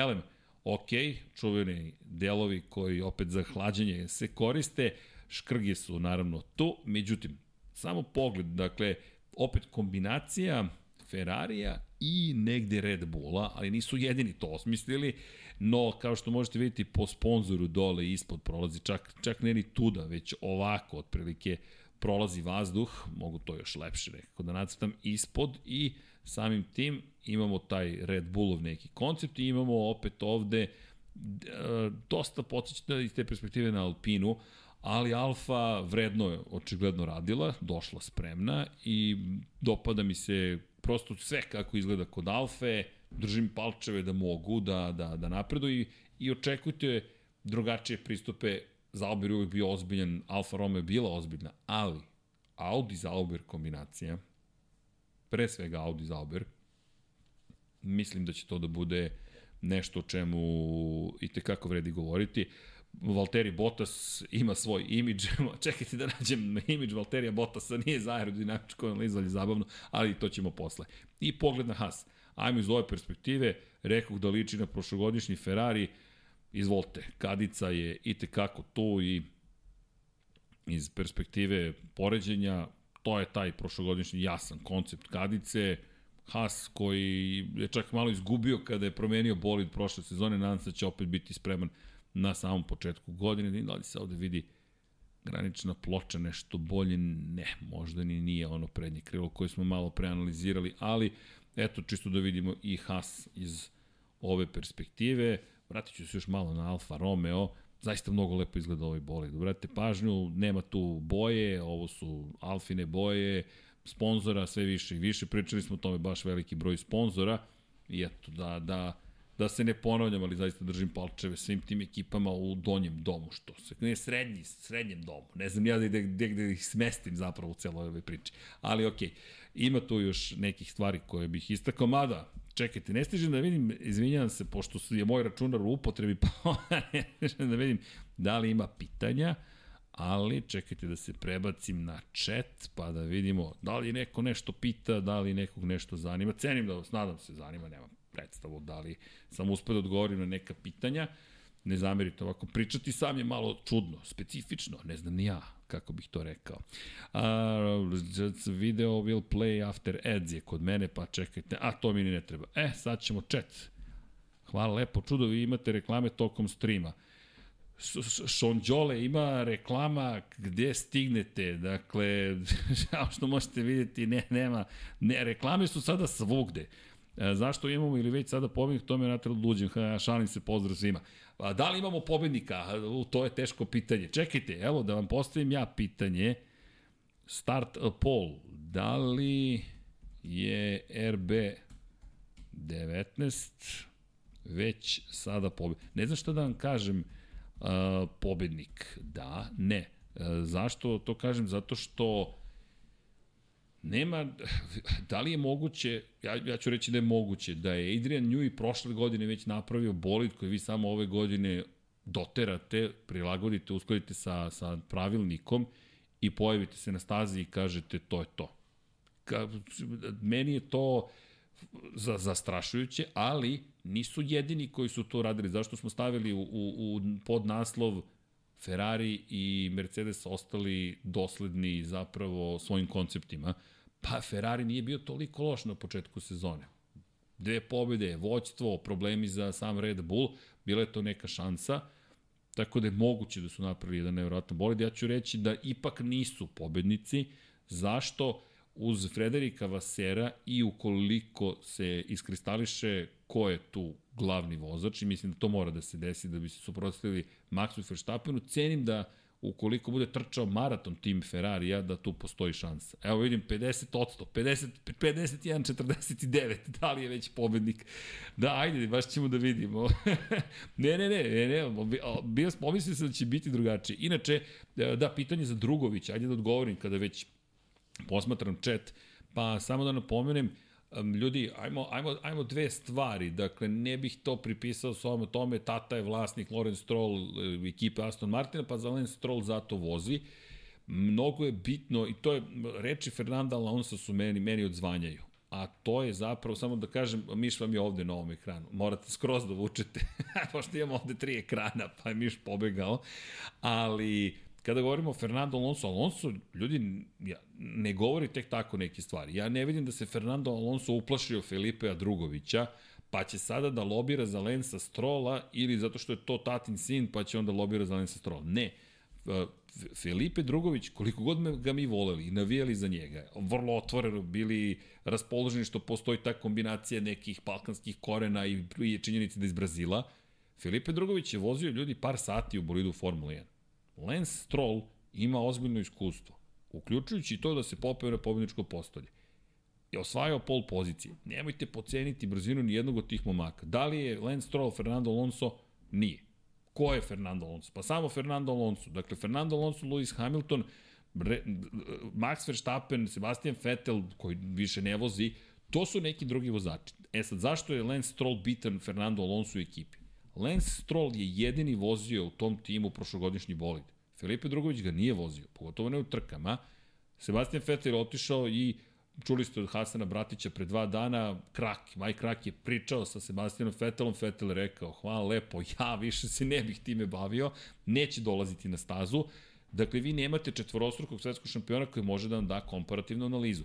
Moje mišljenje je da nisu oni zvali Sebastiana Vettela iz te naše uh, da kažemo, perspektive, jao, zamisli kombinaciju Fernando Alonso i Sebastian Vettel, već iz perspektive toga što ti vraćaš čoveka, naravno, četvorostruku sam šampiona sveta, koji je vozio, trkao se u prethodnoj verziji bolida. I on može da ti kaže, ovo je bolje od prošle godine, ovo je lošije. Ovo mi se dopada, ovo mi se ne dopada. Da im da povratne informacije. Jedina osoba koja trenutno to može da učini za Aston Martin je Lance Stroll. Dakle, to je jedina osoba koja to može da uradi. Sad, šta mislim da će se desiti zapravo u Bahreinu? Moj utisak je da će Lance voziti u petak ili pokušati da vozi u petak, da će zatim videti na osnovu medicinskog stanja da li je njegova ruka to može da podnese ili ne, skeptičan sam, ali ako ništa drugo, ukoliko naravno to dovoljno bezbedno i od, odveze prvi trening od 60 minuta, moći će da da neke povratne informacije ekipi. I ne bi me začudilo, ne znam tačno kada je, s obzirom da nije sprint trka, kada je poslednji trenutak, mislim da je to subota pre podne da prijeve za treći trening Filipe Drugovića, da može da se desi da se Drugović pojavi u bolidu. Ali, kažem, ne pocenite Strola, ne pocenite Strola i Stroll je jedini koji može da da poređenje između novog i starog Aston Martina. Eto, to je, to, to je prosto činjenica. Uh, Srki, The Conqueror pita, negde sam pročitao da Ferrari ima 10 uh, konjskih snaga više i da se ne boje Red Bulla. Ali Red Bull može da spusti boli 10 mm niže od svih ostalih i da može jednu, uh, jednu silu zemljene teže snage da više izdrži u krivini. Tvoje mišljenje. Ajmo da sačekamo u prvu trku i da po sektorima pratimo ko je gde kako brz. Inače, Aleksa Vuče nam je poslao zanimljive grafikone sa testiranja. Teško je tumačiti sa ljudi šta tu zaista vidimo ili ne, ali ono što je činjenica je da je Ferrari prošle godine, dok nije bilo problema sa pouzdanošću, imao baš jak bolid. E, to je jak motor. Honda je takođe rekla da je napredovala. Evo, ovo je zanimljivo, ovo je dan 3, brzina tokom kruga, poređenje, ne, ne, može nazad, može nazad, mo, može, a pobeže kadar. Dakle, imat ćemo poređenje, ali da odgovorim, kažu da imaju 10 konjskih snaga više. To možete kako da pomogne, ono, ova, po, pobegoše grafikoni, a bar vam je lepo, možete da vidite sve i svašta. ono što je ovde bitno, bavit ćemo se stepenima prenosa, ali ajmo da, da, da, da, da ok, trenutno nam je gra, sve poludilo. Inače, 10 konjskih snaga nije ništa, kada jurite tih par konjskih, par kilometara časova brzine koja vam je potrebna. A, hoćemo, možemo da se vratimo na prvi slajd. Aha, to je prvi, nisam video. Okej. Okay Sainz Leclerc, kada uporedimo, evo, pritisak na papučicu gasa, Sainz je zelenom bojom obeležen, Leclerc je crvenom bojom obeležen, hvala Aleksi Vučaju na, na ovome. Pa sad, zanimljivo mi je ovo, ovo dodavanje gasa kod Carlosa Sainca, koje kao da je isprekida, no to kao da je Ayrton Senna u turbo eri, otprilike. Zanimljivo. Charles Leclerc, jednom nije išao do 100 od 100, pritisak na papučicu gasa, pretpostavljam da je, da je leva e, zapravo osa u procentima, ali ovo je tokom brzog kruga, Sainz koji je mnogo više pustio gas na pretpostavljam da su to da je to šesta, sedma krivina. Tu mi deluje da bi zapravo to je prilaz, pa onda pun gas. Zanimljivo ok, drugačije dodavanje gasa i mnogo više pušta gas zapravo Carlos Sainz. No, ovako na prvi pogled, dakle, stigli su nam, kažem, stigli su nam i grafike, možemo dalje da idemo, ok, neki zaključit ćemo možda da izvučemo, broj obetre motora tokom kruga, E sad ono što ne znamo jeste da li je DRS aktiviran bio ili nije, pa ćemo to morati začekamo. Od meki pneumatik, najveći broj obrata je 12.023, 12.025, ali na različitim delovima staze. Sad, da li su testirali drugačije podešavanje bolida, pa pokušavali to drugačije da reše, ali obratite pažnju na zeleno, zelenu krivu iz perspektive dodavanja gasa tamo na 750 metara. Vrlo zanimljivo koliko drugačije gas koriste. U, ovo je baš zanimljivo između Sainca i Leklera. Koliko drugačije zapravo koriste papučicu gasa. Okej. Okay Aleksa, možda se neko, neko otkrio. Pitanje, koje se ulje koristi u Formuli 1? Kako mislite koje ulje se koriste u, u Formuli 1? E, u smislu konkretne formule ili proizvođača ili i da li može neki wallpaper od Hasana ili se šalite, pošto vidim mnogo pita mnogo pitanja na konto ulja. Ali ako to, samo mi recite e, šta vas tačno zanima. Inače, glasanje trenutno je dosta podeljeno. 51% kaže da je RB pobednik, već sada 49 na 209 glasova da nije. Ok, ajmo dalje. Da vidim brzine tokom kruga. Pre-season, aha, ovo su brzine. I kod Sainca je manja brzina na startnom ciljnom pravcu. Zanimljivo. Dobro, ovo je prva krivina. Druga, to je prolazak. Pogledajte kako raste progresivno brzina zapravo kroz prvu, drugu, treću krivinu. Vrlo, vrlo zabavno zapravo. Pa tamo idemo četvrta, peta, šesta, okej. Maksimalna brzina na startnom ciljnom pravcu očekivano, 324 u ovom slučaju. 327 je bilo, ali pogledajte Ferrarijevu snagu. Mnogi nisu probili granicu 320 km na čas. Hvala. Da vidimo ovde, broj obrtaja motora tokom kruga. Perez protiv Leclera. Pogledajte, zanimljivo, Honda. E, ovo je super kadar. Evo, brate, pažnju sada na Hondu. Honda koja ima vrhove koji su preko 400 obrtaja u minuti više je Honda isporučivala u ovom krugu. Ali opet, u kom krugu, zašto, kako, ok, teško je, teško je ovo zapravo protumačiti na, na adekvatan način. Uh, vidim i pitanje za gorivo, pa zapravo od prošle godine je 10 goriva je u upotrebi. Uh, Tako da je to jedna od e, bitnih stvari koje su se desile u, kao promena u Formuli 1, da odgovorim na to pitanje. Dakle, E10 gorivo je uvedeno nešto što je zapravo nateralo proizvođače motora da, da, da promene pristup tome kako, kako prosto konstrukciji motora i ne samo to, e, konstrukciji manje više, već i samo elektronici zaduženo za paljenje. Dakle, u kom momentu se pali zapravo ne samo svećica, već pošto klemate klasičnu svećicu, imate, imate jet injection zapravo, s obzirom imate pred komoru u kojoj je u kojoj je svećica, pa ona upali 1% goriva, po tome smo pričali, pa onda mlaznice zapravo pale glavnu smešu. I iz te perspektive, eto, nadam se da sam odgovorio, E10 goriva je u pitanju. Tako da Formula 1 teži tome da dođe do toga da ima odr, da bude održiva i da suštinski bio goriva, da se de, zašto je 10, e, e 10% je etanola u pitanju, dakle da se dođe do toga da bude što je manja šteta po životnu okolinu. Deki mi nije tu da, da, da sarkastično ili cinično konstatuje, smanjujemo da zapravo zagađenje, a zato ćemo da putujemo Bahrein, e, Saudijska Arabija, pa ćemo da idemo, koja nam je treća trka, Australija, pa ćemo iz Australije da se vratimo, idemo do Bakua, pa onda iz Bakua idemo u Evropu, pa onda iz Evrope idemo u Kanadu, pa nazad za Evropu, pa ćemo, ne, idemo u Ameriku posle Bakua, zapravo u Miami, a onda za Evropu, pa onda u Kanadu i tako dalje. Tako da zvanično pokušavaju da smanje zapravo potrošnju. Ne potrošnju, već smanjuju zagađenje same Formule 1.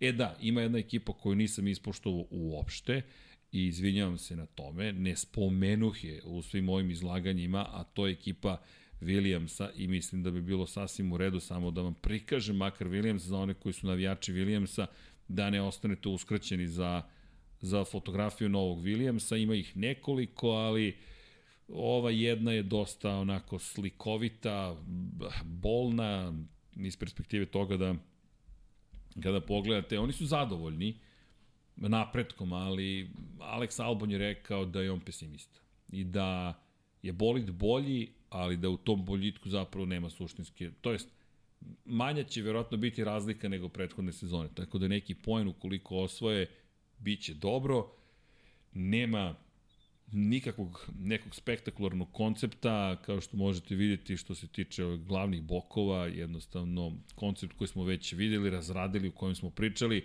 Duracell kao najveća inovacija u kontekstu sponzorisanja, imaju Stevens, imaju Pure Stream, imaju Acronis, imate ovde Golf i imate ovde potpis zapravo vlasnika, a to je Dorilton Ventures, kao što možete vidjeti ono što je bilo najprijatnije kod njih, što su i Logan Sargent i Alex Albon odradili ogroman posao, pogotovo Logan Sargent. Pozadi nema sponzora, piše Williams Racing, Golf jeste tu, vidjet ćete ga, kažem, i napred, imate još par sponzora, Financial Times se ovde pojavljuje, nekoliko njih na, na, na nosu, ali generalno ekipa koja trenutno sa dolaskom Jamesa Vowlsa tek počinje neku da kažemo novu avanturu. Inače, ovaj deo ovde čak ni ova polica nije nema nikakvih inovacija. Kažem, tu čak Mercedes izgleda najinovativniji, ali s obzirom da nema bokove, pre, pretrano široki, Mercedes je tu i morao zapravo makar nešto da, da učini, tako da Williams izgleda,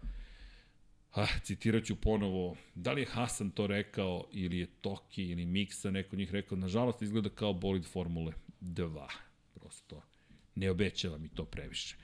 E sad, nadam se da, da smo uspeli da pokrijemo neke osnovne aspekte. Ne zamerite što smo sve ovo izdvojili iz Lab 76, ali da bismo mogli da se ispričamo o nekim stvarima koje smo uočili.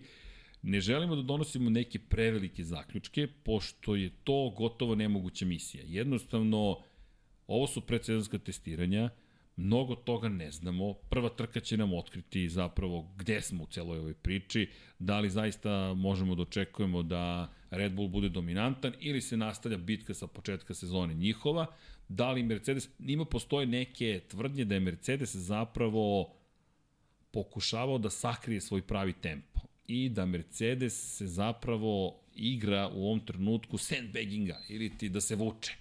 Ali evo, Perez protiv Hamiltona, kao što možete videti, po pitanju broja obrtaja, inače krug 1.33.05, 1.36.64, kao što možete videti, Hamilton je inače obeležen svetlo plavom bojom, tamno plavom Perez, Ne znam, ovo je zastrašujuće. Možete, da, da, ako je to taj isti krug, to je taj isti krug. E, super, sad sam shvatio. Aleksa, malo sam zanemoćao mentalno ovih ova tri meseca po pitanju gledanja grafikona, ne zameri, ali Perez 1.33.05, 1.36.64, Dakle, obratite pažnju na broj obrtaja u ovom krugu. Dakle, Mercedes mora mnogo više obrtaja da ima. Možemo na sledeći slajd da napravimo poređenje. Ovo će biti super. Aleksa, moramo da ukrstimo maksimalne brzine. I pogledajte, maksimalna brzina, to je brzina generalno je veća kod Pereza, uprkos činjenici da je Mercedes na većim brojima obrtaja. Šta nam to govori? To nam govori da je opterećenje vazduha kod Mercedesa, to je otpor vazduha kod Mercedesa mnogo veći. Makar meni to govori.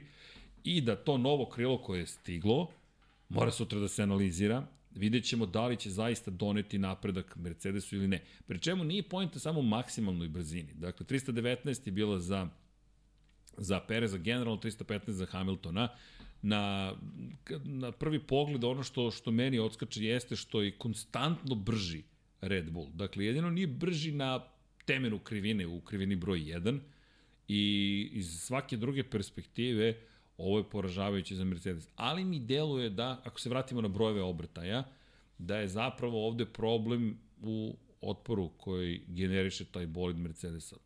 Ovo ne obećava. Pogledajte koliko su manji broj obrtaja, drugačije očigledno koriste gas Hamilton i Sergio Perez, ali Mercedes rekao bih da ima, ima baš puno posla po pitanju aerodinamike i taj zero pod koncept sad sam tek manje ubeđen da će ovo biti dobro. Inače, ovo su neki kvalifikacioni, predkvalifikacioni krugovi. Red Bull je rekao da je zadovoljno što je Perez mogao da, da odradi i te krugove. Zanimljivo pritisak na papučicu gasa. Ranije pušta gas dosta Perez na ulasku u prvu krivinu. Ne dodaje ga ranije. Zanimljivo. Pušta potpunosti gas. Hm, za dokej, malo drugačije kako koriste gas. Inače, Hamilton je poznat, poznat po linearnom dodavanju gasa, da je po tom pitanju jedan od najpreciznijih vozača po načinu na koji dodaje gas, jednostavno pogled na Pereza i Bottasa, dobro, Valtteri 1.38.27, Ferrarijev motor je u pitanju protiv Honda, a da imamo poređenje po pitanju brzina. Dakle, brzine između Bottasa i ok, opet je brži, ali teško mi je da protumačim zaista u kontekstu toga da vidimo u kom trenutku, zašto, šta su testirali, nisu, ali deluje mi kao da je ovo priprema neka za kvalifikacije pola sekunde, kada bi to bila razlika između Red Bulla i, i Alfa Romeo, mislim da bi otvorili šampanjac, ne jedan u Hinvilu, već da bi svi slavili ceo, ceo dan. Pritisak na papučicu gasa, Leclerc Perez, brzina tokom kruga, ha, Leclerc protiv Pereza, ali da vidimo, Perez, u, zanimljivo, čekaj, čekaj, čekaj, čekaj, čekaj. Na startu ciljnom pravcu, evo odgovora na, po, po pitanju onoga što je Leclerc rekao, dakle, više konjskih snaga, pretpostavljam efikasniji na startno ciljnom pravcu, veća brzina, a 7 desetinki sporiji na kraju. Ovo mi deluje gotovo nemoguće da je, da je reč o, o grafikonu koji pokazuje razliku u korist Serhije Pereza. Prosečna brzina je 1.94,15, za Leclerc za Pereza 195,7. U, ovo moramo zbiljnije da izanaliziramo. Gde je Perez ovde našao 7 desetinke? Ok, ne, ne znam, Aleksa, moramo se čujemo da analiziramo ovaj grafikon. Ali idemo mi dalje, Bottas Hamilton, ne, ko je ovo poređenje, starih drugara. Ali zanimljivo, vremena su im slična, drugačije, očigledno koriste motore. Ne znam, mnogo, mnogo obrtaja za, za Mercedes. Mnogo tu mora motor da radi. Baš mora mnogo da radi. Dobro, ništa. Idemo dalje. E, ok, da vidimo šta je. Bottas. Aha, stepeni prenosa. Prvi, drugi, treći. Na izlasku iz treće krivine već je on tu na petom stepenu prenosa. Kratak šesti, sedmi, osmi. Četvrti kroz četvrtu krivinu. Duž cijelog ovog prolaza deluje mi da je šesti stepen prenosa ili možda ja slabije vidim. Pa onda idemo malo ne, četvrti, treći. Dobro, zanimljivo. Hm. Zašto na prilasku poslednjoj krivini je tako dugo u četvrtom stepenu prenosa? Ovo mi je, ovo mi je čudno. Četvrti. Ono mi, ono mi nešto nije u redu sa onim grafikonom. Ono mi nešto čudno. Da imamo Leclerc. Pa dobro. U, vidite, zanimljiv prilaz, dakle, četvrta, peta, šesta, sedma, dok, dokle je... Da, ono, onaj, onaj krug Valterija Bota se ne bih baš koristio kao neki ozbiljniji parametar, to je reper, a ovo bi delo, ovo mi deluje logičnije kada je reč o, o promjenama stepena prenosa. Nešto duži šesti stepen prenosa na prilasku u poslednjoj krivini, pre drugi, treći, četvrti, ok, hvala, Hvala, da vidimo. To čudno, i ono mi nekako kasno menja brzine. To je zato vam kažem, predsezonska testiranja, ne bih ja ovo uopšte analizirao zbiljnije. Aleksa, znam da se namučio, ali mislim da svi kriju, da žaba krije noge u ovoj situaciji zapravo. Mislim da su nas samo naterali. Po pitanju ove analize, bojim se da to nije, ne bih, ne bih, ne bih ovome pridavao takav značaj. No, Ljudi, družimo se već sat i po, ja se nadam da ste uživali. Pokušao sam malo neke stvari da uradim i da, da ih približim, ali vreme je da, da idemo. Ovo je baš, kaže, evo, lepo kaže Vuk Stanković, sve van konteksta, ne znam. Prosto mislim da, da, da, da je nemoguće na osnovu ovoga zaključiti nešto više. Ali čekajte dok ste tu. Ljudi, udrite like. Ako ste već došli, dajte malo lajkova tih i ono što je najvažnije kada ste već tu. Za Maju 1445 na 30 30. Ovo nam je najvažnija stvar. I ukoliko možete, kogod bilo šta da donira tokom ove emisije, ne znam da li iko išta donirao, dakle, ide za Maju, ovo je partnerka našeg dragog Nenada Milunovića, kolege, ukoliko možete da joj pomognete, svi da joj pomognemo, borba protiv kancera traje, da budemo humani, ja ću vam reći milijardu puta hvala ako vam to nešto znači, ili pre svega ćemo nekome nekome po, po, po pomoći. E da, pokaži S-Duct. Za malo, Mario, da po, samo sekund molim vas da nađem gde je S-Duct kod Ferrarija. Bravo, znam da mi je nešto mi je u glavi kao da sam potpunosti zaboravio. To bi bilo dobro, ali nisam siguran da imam adekvatnu fotografiju. Sače, dajte mi minut da nađem S-Duct, taj čuveni, da li može da se vidi. Sad ćemo, to, sad ćemo da pokušamo da ga pronađemo, ali čekajte da vidim da li mogu da ga uhvatim na ovim fotografijama, malo je kontrast drugačiji. Za one koji ne znaju, S-Duct, jel te, jedna stara, stara priča iz neke druge Formule 1, ali koja se vratila. Čekajte, sad ćemo da, da, da nađem. Dajte mi minut da pronađem tu fotografiju. Umeđu vremena, ako neko ima još neko pitanjice, tu sam. I naravno, pisat ćemo Hasanu s molbom, Hasane, molim te, šalji nam još fotografija, s obzirom na činjenicu da su nam i kako važne. E sad, samo da vidim da li mogu da, da ulovim zapravo S-Duct. E, znate šta, gde to imamo? Sad, dajte mi sekund. Evo, ako, ako možete da budete strpljivi toliko, Samo sekund, mislim da to čak imamo i kod zvaničnog Ferrarija. Ferrari nam je, ja mislim to i na početku sezone zapravo omogućio da vidimo. Sad ćemo odmah da pronađemo gde nam je Ferrarijev zvanični, gde su zvanične fotografije Ferrarijeve, a možda je ovo fotografija koja će to da lepo otkrije, samo da vidim. pošto je crno, možda ću morati malo da se igram sa kontrastima, a za to ćemo da iskoristimo onda neki drugi softver. Samo da vidim da li se iz ove perspektive vidi. Ovo bi trebalo da bude najbolja perspektiva za tako nešto. Pa da vidim da li zaista možemo da dobijemo. Hasane, hvala ti još jednom. Evo sekund, molim vas, samo da vidim da li se lepo ovde vidi. DS Duct i da vidim da li mogu da malo povećam kontrast, to je smanjim kontrast, nekako brightness da mu povećamo, pa da to sredimo. Sekund jedan, molim vas, uživo smo svi, pa eto, malo se družimo. Nadam se da nije na odmet, da, ali dobro, dobro ideja. S dakle da se vidi, jer to je baš rešenje koje je vrlo, vrlo zanimljivo. Kada govorimo o novoj sezoni, eh, samo sekund, molim vas, SF 20 trojka ima zaista neke zanimljive stvari. E, to je prosto imamo jedan da kažemo otvor koji zašto je S u obliku slova S bo na bokovima Ferrari tamo gde je crna boja ispod znaka Ferrarija koji zapravo provodi vazduh u kažem kroz kanal oblika S na gornji deo zapravo bolida i hrani kadicu dodatnom količinom vazduha. Dakle, povećava zapremenu volumen toga što dobija na toj strani Ferrari. Sad pokušat ću da prikažem i iz te druge perspektive, pošto su dve perspektive zaista neophodne da bismo to prikazali, ali ajmo da prikažemo prvo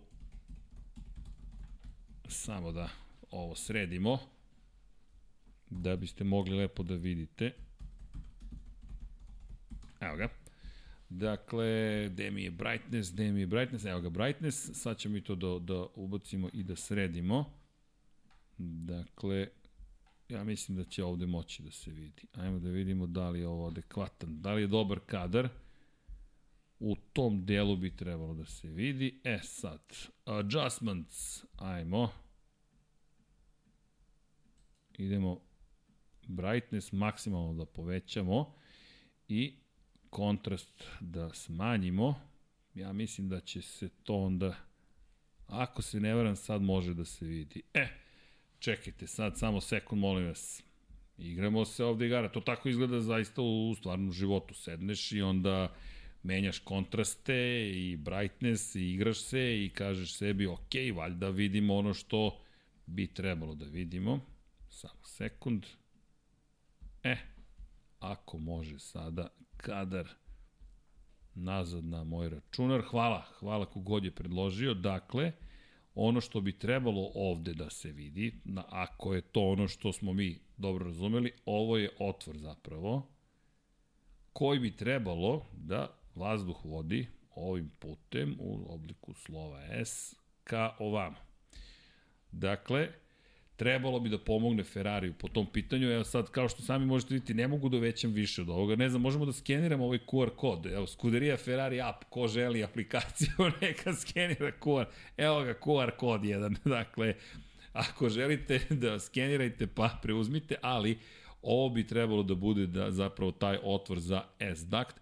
U Fioranu su već koristili na predsezonskim testiranjima, oštre oči naših kolega su to već uočile i ono što ću pokušati da nađem jeste sa zadnje strane zapravo. Pogledajte, inače, pokazat ću vam originalnu fotografiju, ako mogu samo da se vratim u studiju, da vam pokažem originalnu fotografiju, da vidite zašto mi je bilo potrebno malo vremena da vam to prikažem.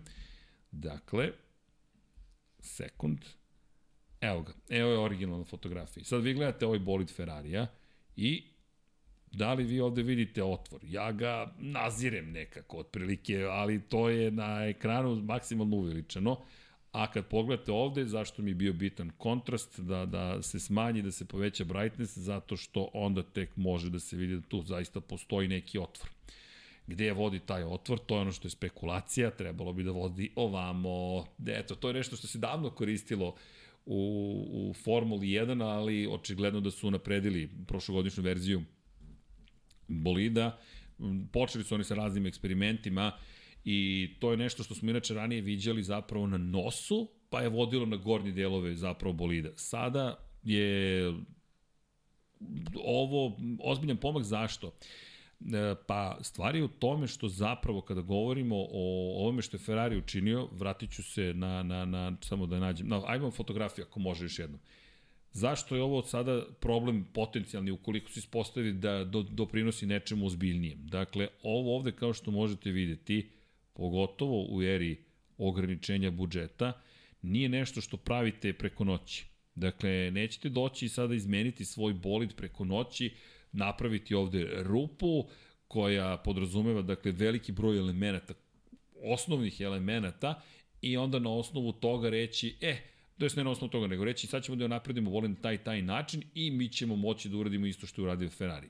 Prosto to ne funkcioniše tako i Ferrari uz ovo, uz, to jest S otvor, uz činjenicu da ima, jel te, separatore koji služe kao aerodinamičke površine, mi dolazimo do toga da već vidimo dve inovacije, hvala kako sam zaboravio S-Duct, nemam pojma, smo pričali o tome i u podcastu, ali se izvinjavam, dakle, dve velike važne inovacije, neke dolaze iz prošlosti, neke dolaze od rivalskih timova, do od rivala koji se bune, inače što je Ferrari to primenio. Inače ovde možete lepo da vidite i kako se projektuje A-ruka, na primjer. To su sve aerodinamičke površine zapravo, ne služe oni samo da nose točak, već i da posluže za poboljšano strujanje vazduha ka nazad u svak, i da smanje otpor vazduha naravno, ali kada govorimo o Ferrari, eto dva vrlo ozbiljna koncepta koje su uveli, zadržali ovaj koncept o kojem smo pričali, vazduh koji ide ispod bočnih otvora, kadica koju ne mogu da scrollujem dalje, dakle ovde je kraj fotografije, ali je super da se vidi zapravo otvor, pa eto, hvala, S, e, ne, ne mogu ni S da nacrtam, pobunio se softver protiv mene, kako god. I iz te perspektive, da, velika, velika inovacija, uopšte nije mala stvar. Jel te skenirali QR kod? Ne može. ok, pogledajte QR kod negde malo, na nekoj fotografiji veće rezolucije možda uspete da skenirate aplikaciju. Čekajte, sad je jače od mene, moram i ja da probam da vidim da li ću uspeti. QR kod. Ne prepoznaje ga. Ne. Dobro, Hasane, znamo što da te zamolimo da fotografišeš uveličeno. Eto, dakle, videli ste i kako izgleda bolid i evo, možda će ovo biti dobro poređenje. Dakle, ovo je povećan brightness na maksimum 100 brightness u odnosu na originalnu fotografiju, minus 50 kontrasti, ovako izgleda kada ništa ne izmenite. Svaka čast Ferrarijim inženjerima.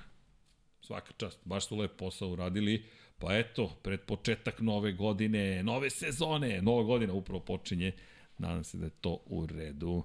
Ove go, Srki ove godine u Bahreinu kao kvalifikacija u Monci. Interesantno da svaki zadnjih nekako ko je bio pobednik u Bahreinu završio na drugoj poziciji u šampionatu. Da, nisam ispratio sve, nadam se da vi časkate jedni između drugih, ali ono što je zanimljivo u celoj ovoj priči, 428 glasova, 50-50, 50% RB sada već pobednik i 50% kaže da nije Uh, hajde da vidimo, da, inače, apropo tog pitanja za prednju osovinu i Leklera, ajde da, ajde da, ajde da sačekamo ovu prvu trku, da vidimo zaista ko jeste u problemu, ko nije, ko je šta krio, da li Mercedes brži nego što mislimo i da nam sezona počne, to ono što je pre svega. Mojih top 3 u nedelju, uf, mojih top 3. Mojih top 3 u nedelju mojih top 3 u nedelju. Pa ja ću da kažem Leclerc, Verstappen, Perez. Eto, to su moje top 3. Mislim da će ipak Ferrari dobiti ovu prvu trku.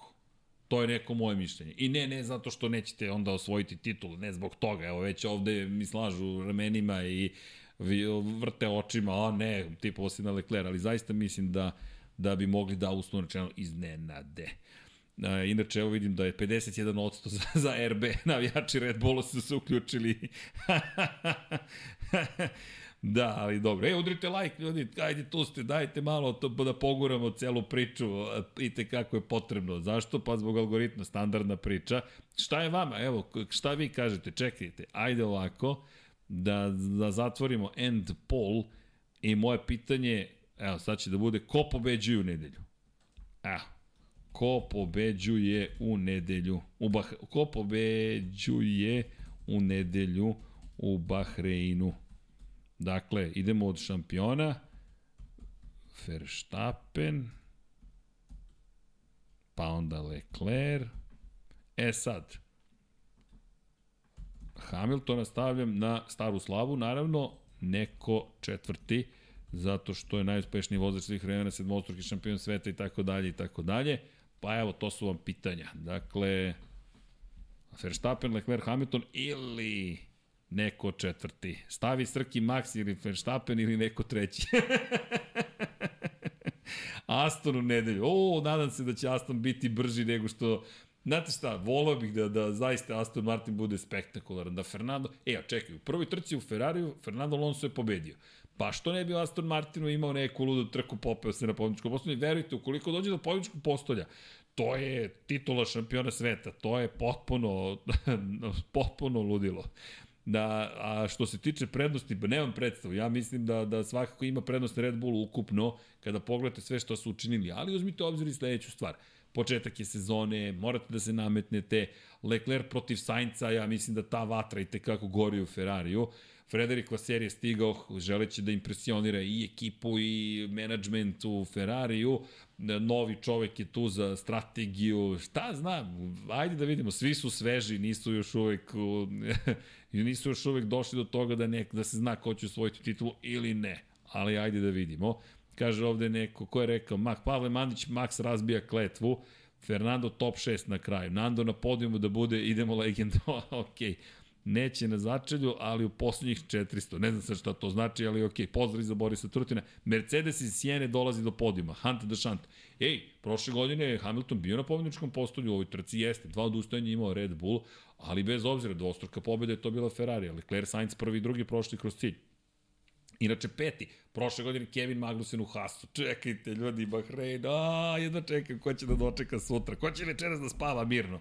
I evo, uh, Nadin me pita, Osmo Hođić, šta misliš Strki o Joe-u? Ja iskreno mislim da će biti izneđenje sezone nekako fino napredu. U, ja mnogo volim Joe-a i mislim da je zapravo Guanju Joe izvrstan vozač za očekivanja koje smo imali od njega da osvojiš poene u prvoj trci, da napreduješ cele godine, da preživiš, to jest da ostaneš stabilan posle onakvog incidenta u Silverstonu, ja mislim da govori mnogo o njemu, govori mnogo o Alfa Romeo i o Valteriju Bottasu kao vođi te ekipe vozačkoj i mislim da je Valtteri Bottas neko ko tek dolazi do izražaja na jedan čudan način, kao vino, sazreva, od klinca koji je osvojio titulu u Grand Prix 3 seriji do toga da bude veoma dobar u Williamsu, do toga da bude vozač de facto broj 2 Lewisu Hamiltonu u Mercedesu, do toga da sada Gvanju Joe je neka vrsta mentora. Eto.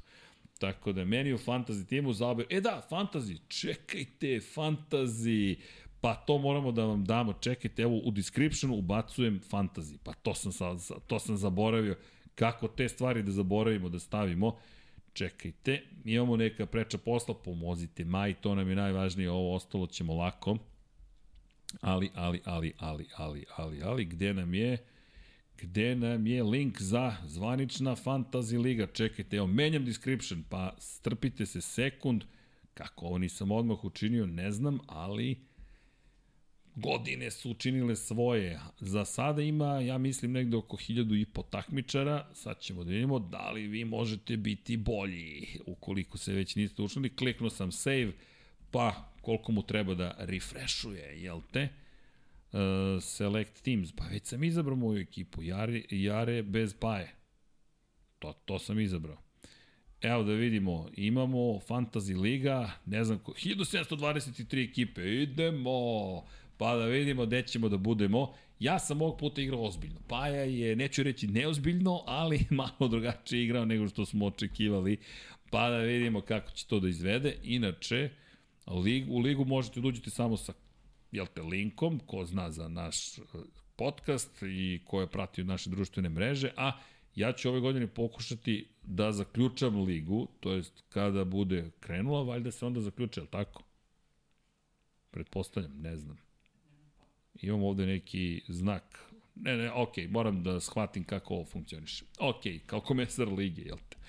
Elem, učlanite se pa da se malo družimo, pa da vidimo ko će ovde biti najbolji da li možemo da dobijemo novog šampiona, da li se vraća stari šampion, da ne kažem šampion kao Šejla Čebirić. Šejla, očekujemo te ako ovo slušaš da nam se pridružiš. Ljudi, ja se nadam da ste uživali, ja idem polako dalje, idemo da se pripremamo za sutrašnji dan, uzbuđenje raste, polako ali sigurno, prvi treninzi. I ne samo Formula 1, i Formula 2, i Formula 3, sve to kreće sada za ovaj vikend u Bahreinu, Biće tamo potpuno ulici. Imate za koga da navijate. Potpuno vas pozivam navijački da navijate za Dina Beganovića u Formuli 3 da podržimo momka koji je poreknuo sa ovih prostora, Dino je član Ferrarijeve akademije, nije da, da, da, da ne može bez podrške naše, ali mislim da će mu biti drago da ga cijel region podrži, kaže idemo Dino do titule Formule 3, pa onda Formula 2, pa onda Formula 1. To bi zaista bilo spektakularno. Tako da, ajde, krajnje, krajnje navijački. Inače, da, Aleksandar Tadić kaže 68% ljudi ima Alonso u, u ekipi u fantaziju. Apsolutno. Ali eto, izaberite svoj tim, pokušajte da budete najbolji. Ko želi da nas podrži, join u YouTube-u, prosto da, to je financijska podrška, znači nam, ovo je solo projekat, ovo smo mi koji smo ovde izmislili celu priču i radimo na tome da je pređujemo non stop, tako da ne zamerite što ponekad kasnimo ili neke stvari ne stignemo ili kada me nema iz Čile, to nije namerno, prosto sreće da mi brat tamo živi, pa provedem februar, pobegnem od zime, činjenica, a kada je reč o kada je reč o onome što radimo, podrška nam kako znači, patreon.com kroz Infinity Lighthouse i, i Na kraju, ovde prozivka Boško kaže, Srki jedva bio bolji od Dekije na kraju. To je, to, to, to, je, to je samo prozivka. Ove godine idem na top 10. Šalim se, ne znam gde ćemo da završimo, ali da držite palče da bude zabavno. E da, i da pročitam još ovo pre nego što pročitam.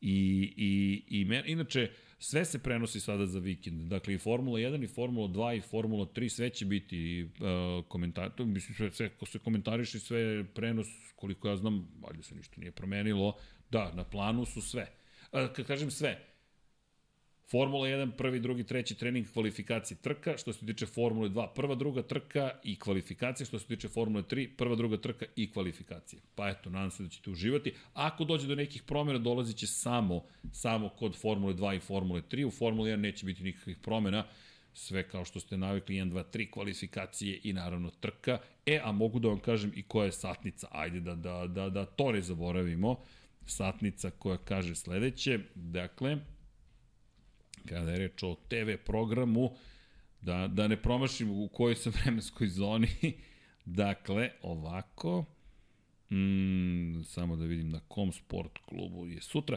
12.25 Formula 1 prvi trening, 13.50 Formula 3 kvalifikacije, zatim u 15.00 Sport klub Studio Bahrein najava, zatim od 15.55 Bahrein, trening broj 2, pa od 17.20 Bahrein Formula 2 kvalifikacije, to je sve za petak, zatim za subotu, Formula 3, prva trka 10.05, zatim trening broj 3 od 12 časova 25 minuta, Formula 2 14.05 ide trka, prva, F1 Confidential 15.15, 15, zatim u 15 časova 55 minuta kvalifikacije za veliku nagradu Bahreina, samo da vidim šta još imamo, da nešto ne promašim u celoj toj priči.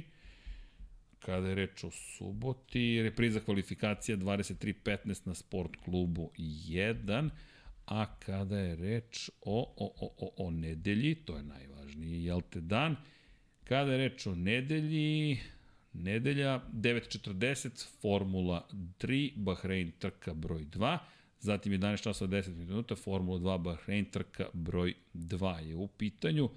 I samo da proverim satnicu za samo da satnicu za samu trku, to je ono što je jedino što, što zapravo moram da izgovorim, sve ostali da preskočim ćemo nekako da preživimo, ali da vidimo My Time Race u 16 časova u nedelju. Ljudi, stigao je taj vikend, prvi taj vikend Formula 1. Motori su krenuli super bajkom, krećemo Formula 1 kada je reč zaista o četiri točka. Moto Grand Prix kreće 26. marta u Portugalu, ali do tada ćemo već imati dve trke Formula 1, Saudijska Arabija sledi po, posle Bahreina. Hvala još jednom. Inače, Verstappen 44 odsto, Leclerc 24, Hamilton 17, neko četvrti 15. Opa! Verstappen favorit potpuni, ali kada pričamo o očekivanjima, eto, veruje se i dalje u Luisa Hamilton, kaže, pa neki na staru slavu, čovjek je legenda.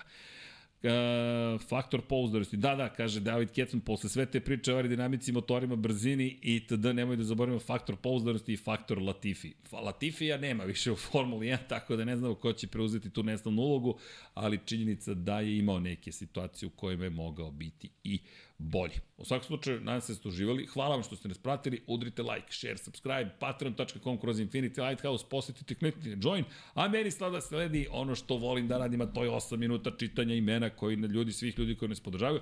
Ukoliko želite da budete na ovom Superman spisku, pa već sam rekao, patreon.com kroz Infinity Lighthouse ili join, a možete i naravno Nećemo vam čitati imena, ali na shop.infinitylighthouse.com dukserice su stigle, eno, u čo, čošku. Ajmo navijači Aston Martine i Fernanda Alonsa, dukserice, majice i sve ostalo. Ali šalno stranu, mnogo nam znači i lepe podrške i divno je sresti vas bilo gde, pogotovo na stazama. Nadam se da ćemo se sretati ove godine kada krenu sezone.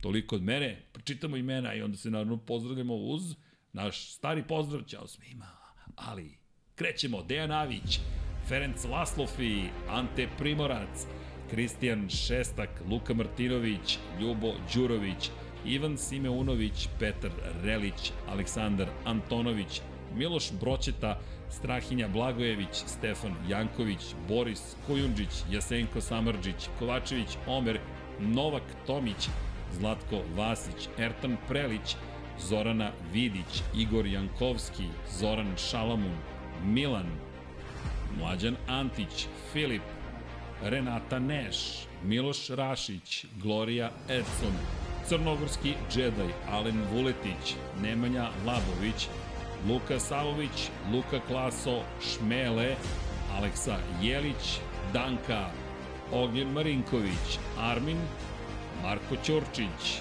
Marko Kozić, Branimir Rijevec, Predrag Pižurica, Benđo, Kaka, Deus Nikola, Bojan Majstorović, Đurđica Martinović, Saša Ranisavljević, Anonimus, Donatorus, Đole, Cheesehead, Matej, Sopta, Životić Jovan, Miloš Vuletić, Jelena Jeremić, Aleksandar Milosavljević, Mihajlo Krgović, Marina Mihajlović, Veselin Vukićević, Dragan Matić, Tijana Vidanović, Josip Kovačić, Dimitrije Mišić, Stefan Prijović, Bojan Mijatović, Mario Vidović, Nemanja Jeremić, Zoran Majdov, Đole QB4, Žorž, Katarina, Dorijan Kablar, Aleksandar Radivojša, Boris Erceg, Bojan Markov, klub štovatelja Ramona Mirza, Ivana, Marko Marković, Bahtjar Abdurmanov, Andreja Miladinović, Ilja Đurović, Blufonac, Matija Rajić, Branislav Dević,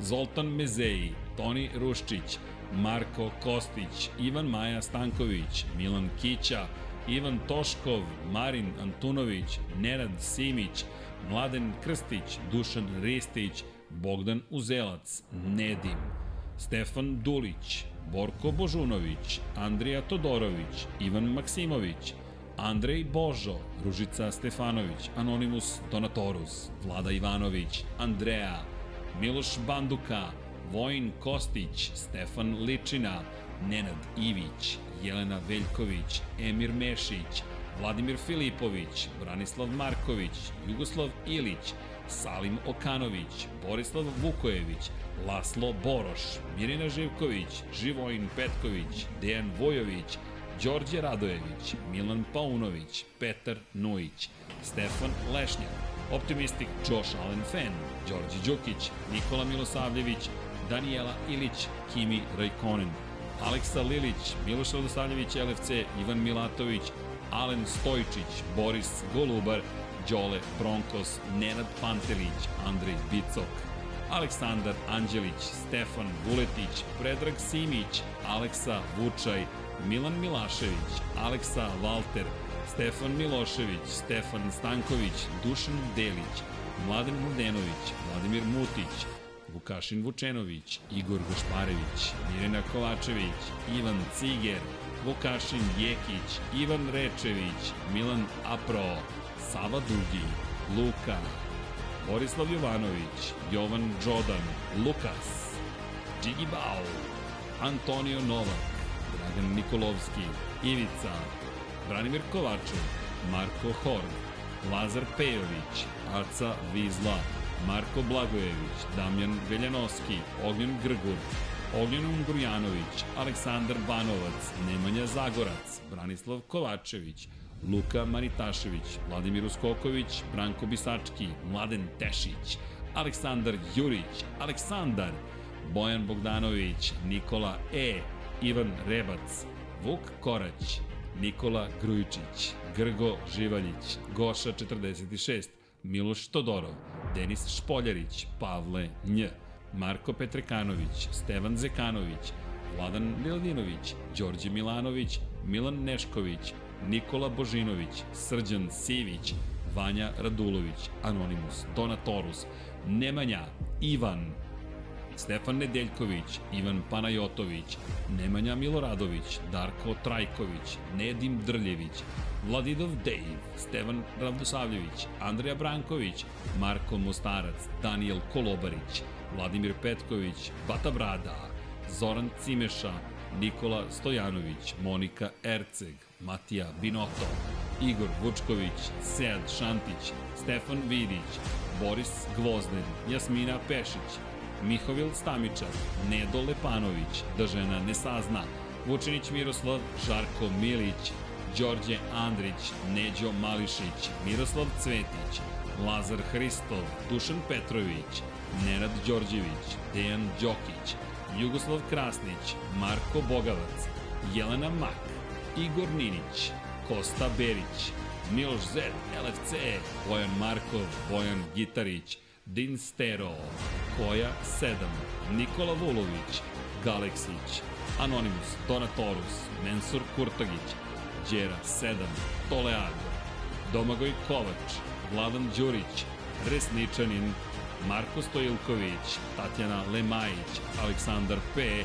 Bojan Pejković, Oliver Nikolić, Ivan Božanić, Uroš Čuturilo, Miloš Stanimirović, Nikola Božović, Alen Jesenović, Nikola Kojić, Nemanja Bračko, Igor Ilić, Marina, Aleks Vulović, Đorđe Janjić, Ivana Vesković, Drago Veković, Vukašin Vučenović, Ivan Vujasinović, Pavle Lukić, Saša Stevanović, Maksi, Aleksandar Kockar, Veselin Vukićević, Mortal Kombat, Ivan Vincetić, Milanka Marunić, Ivan Magdelinić, Jelena Jeremić, Aleksandar Nikolić, Milorad, Milorad Reljić, prostite, Petar Bjelić, Zlatko Marić, Almir Vuk, Nemanja Miloradović, MS13, Dejan Plackov Plackov, Nemanja, Branislav Dević, Nikola Grđan, Marko Bogavac, Almedin Ahmetović, Toni Soni 76, Milan Knežević, Vojislav Tadić,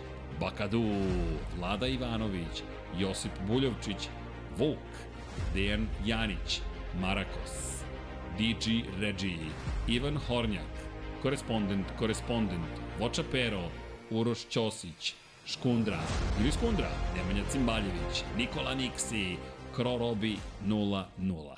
Hvala ljudi, dragi, šta da vam kažem, nego samom sebi ću da odbrojim. 1, 2, 3, 4, 5, 6, 7, 8, 9, 10. Ćao svima!